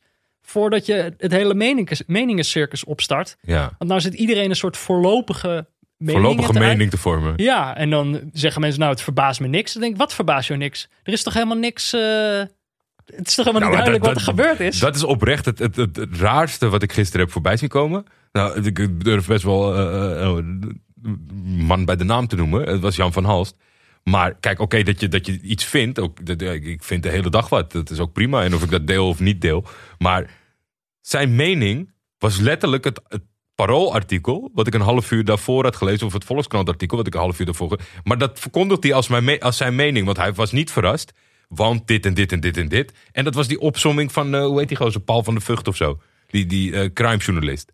ja, Dat, dat, dat ja, bestaat toch niet? De mensen zijn toch ook ja. niet gek? Ik moet daar ook wel zeggen, dat, ik bedoel, dan komen er ook weer zoveel vo- vooroordelen over eh, jongens als Promes om de hoek kijken. Dan denk ik, ja, Ja. nou ja. En dat denk ik van, zeg maar, mensen zijn dan ook te gretig om eh, het plaatje meteen helemaal eh, in te kleuren en gewoon te denken, oh, zo zit het. Maar ja, ik bedoel, voor hetzelfde geld eh, klopt de berichtgeving allemaal. En dat, laten we dat vooropstellen. Ik- Dat ik me helemaal de tering schrok toen ik dat las. Het is toch, Dat het is is toch zo ook- absurd. Een gast naar wie je, naar wie je... Ik bedoel, het is voor Ajax ook een gigantisch probleem als het waar is natuurlijk. Ja. Ja, Dus- nee, dat zeker. Maar dat lijkt wel, dat, dat mag natuurlijk niet dat je zegt van, wat een schokkend bericht. Benieuwd waar het gaat eindigen, punt. Dat, Ja, is, toch, dat is toch waar je nu Ja. zit als je er al wat over moet zeggen. Ja, dan is je programma snel afgelopen. Ja, oké, maar ze hebben nog eh, 22 andere topics Ja. eh, te behandelen die dag. Dus dat, eh, ik vond gewoon dat, dat nou eromheen... Vitesse eh, wat je, Vitesse Heerenveen, daar konden ze het niet over hebben. dat is ook snel klaar. die heeft nooit plaatsgevonden. Ja. Oké. Ja, dus ik heb daar niet zoveel over te zeggen. Nee, maar ik denk dat je wat je gezegd hebt, eh, dat het goed was. Oké. Nou, dan ga ik toch met een gerustgesteld gevoel naar huis. Dan rest alleen nog de vraag. Ik heb een tijdje niet gesteld. Maar deze, dit weekend was het weer raak. Eh, eigenlijk de vraag. Project Everton. Geloof jij daar nog in? Nee. Nee, gewonnen Nee. van Chelsea. Ja, Jordi. maar aan de hand van... Sigurdsson. Ja, aan zijn hand. En dat is juist het probleem waarvoor ik, er, waarvoor ik ben gestopt in het geloof. En dan maakt hij hem net weer. Het is een incident, deze overwinning. Oké. Want het was natuurlijk, ze hebben de eerste zeven gewonnen. Ja. Daarna zeven niet. Of eentje in zeven. In de tussentijd heeft Pieter Zwart hem nog kapot gemaakt. eh door James Rodriguez. eh, prachtig, eh, prachtig is, maar niet, geen punt over. Dan de- kregen we trouwens nog, dat is echt een- best wel oud, maar ik heb het nog nooit genoemd. Kregen een berichtje van Ed King Sinisterra. Bart stuurde een screenshot dat hij in de nieuwe voetbalmanager kampioen geworden is met Everton. In het eerste seizoen. In het eerste seizoen? Ja. Oh jeetje. En Sigurdsson, helaas voor Jordi was Sigurdsson onderdeel van dit team. Maar hij heeft wel veel gemist door blessures. Ja, maar dat is een knappe prestatie hoor, dat doe ik hem niet na. Nou, dat, eh, dat zal blijken als we binnenkort eens een keer gaan eh Dat is waar. FM'en. Oké. Eh, volgende week. Of moeten we eerst even zeggen? Nee, dat hebben we eigenlijk wel behandeld. Toch? Ja. Volgende week gaan we geen wedstrijd kijken. Het is denk ik voor ons allebei even, voor ons allebei gewoon eventjes goed om eventjes afstand te nemen. Als je nu nog een keer RV en Vitesse moet kijken, dan, dan stoppen we misschien wel. Het is, we moeten, volgende week maken we een kerstspecial. We gaan het land in. We gaan het hele land door. Nee, in een eh, bus. eh, een kerstspecial. En we denk dat we, we gaan gewoon even terugblikken op eh, het, de afgelopen seizoenshelft. En gewoon even kijken van wat hebben we nou eigenlijk gezien? Wat hebben we nou eigenlijk geleerd? En we gaan natuurlijk vooruitblikken naar de tweede seizoenshelft. Eh, maar goed, dat hoor je dan allemaal volgende week wel. Ik denk dat we moet- moeten gaan nadenken, Peter. Het zit meer ineens. Kijk, kerst is natuurlijk al je niet is lof. En dat is een bepaald concept. Dat iemand is ver weg. Mhm. Jij bent hier. Mhm. En dan wil je met de kerst bij elkaar zijn. Mhm. Kijk, nu is het misschien te kort termijn dit plan. Of we kunnen het toch alsnog gaan proberen. We moeten transfers zo in beeld brengen. Wintertransfers. Dat ze in een bus komen en dat dan clubs in Nederland ze komen ophalen. En dan huilen. Ja, dat, dat, ze dan gaan huilen. en dan allemaal bestuursleden in de studio. Het is Sidney van Hooydonk. Gaat huilen. Nou, wie weet wat we allemaal gaan doen in onze kerst. Misschien komt er wel mascotte langs. Ah joh. Over mascottes gesproken. Ja. Dat is toch, die kunnen we, kunnen we toch niet overslaan. Oh, Furacao. Furacao? Ja, ik weet niet hoe je het uitspreekt. Maar Ik heb niet geslapen. Nacional, is dat de Portugese club waar het is een over gaat? Portugese club, ja. Eh, die hebben een gier Ah, als dier. ja. En eh, dat is, ook- de mascotte is dus ook een gier. Maar die gast is doodeng. Ja, het is niet normaal. Echt een freak. Daar krijgen kinderen nachtmerries van. Ja, maar ik, we werden gementiond eh, eh, door Tom en ik zat er te kijken. En Fik kwam aanlopen, toen klapte ik mijn laptop dicht. Dus mijn vrouw zat mij heel gek aan te kijken van... wat zit je daar te doen in het kamertje? Maar ik kon Ja, die nee. kind echt niet laten zien. Als hij dat dan slaapt hij niet. Nee. Furacao. Doodeng. Doodeng. Oké. Neutrale Kijkers is mede mogelijk gemaakt door Dag en Nacht Media. De hoofdsponsor op de borst is Auto.nl. De muziek is Tachanka van Leon Lischner en Friends. En een adaptatie daarvan van Studio Cloak. Eh, artwork is nog altijd van Barry Pirovano. Wil je meepraten? Dat kan. Je kan ons volgen op Twitter via @buurtvader of @tefef. Je kan ons mailen op neutralekijkers@gmail.com. Of je kan natuurlijk vriend van de show worden met een kleine donatie via vriend Of van de show. Oh, groot kan ook. Via vriendvandeshow.nl slash neutrale kijkers. En dan krijg je dan eh, updates over de podcast. Maar je kan ons dus ook een spraakupdate eh, sturen. Eh, en mocht je mascotte memes willen zien, dan zijn we ook te vinden op Instagram. Ja, en ik moet even zonder reclame te maken dank uitspreken aan de mensen. Die zijn ingestapt naar aanleiding van mijn audioberichtje op het eind vorige week. Dat waren er echt meer dan ik dacht. Oh, Ja, het, het- in, in eerste instantie leek het er elf. Mhm. Maar er kwamen er nog een heleboel achteraan. Dus eh, jullie, werkt worden, wel. jullie worden gewaardeerd. dus er zijn mensen die op dit moment nog luisteren. Dat hebben we wel bewezen. Ja, zeker. Heerlijk. Eh, nou, verder. We gaan weer een nieuwe lockdown in. Eh, hou afstand. Ja, dus dat zal niet zo moeilijk worden. Blijf neutraal. En dan zijn we de volgende week weer Met Jingle Bells. met Jingle Bells. Tot dan, Jordi. Tot dan.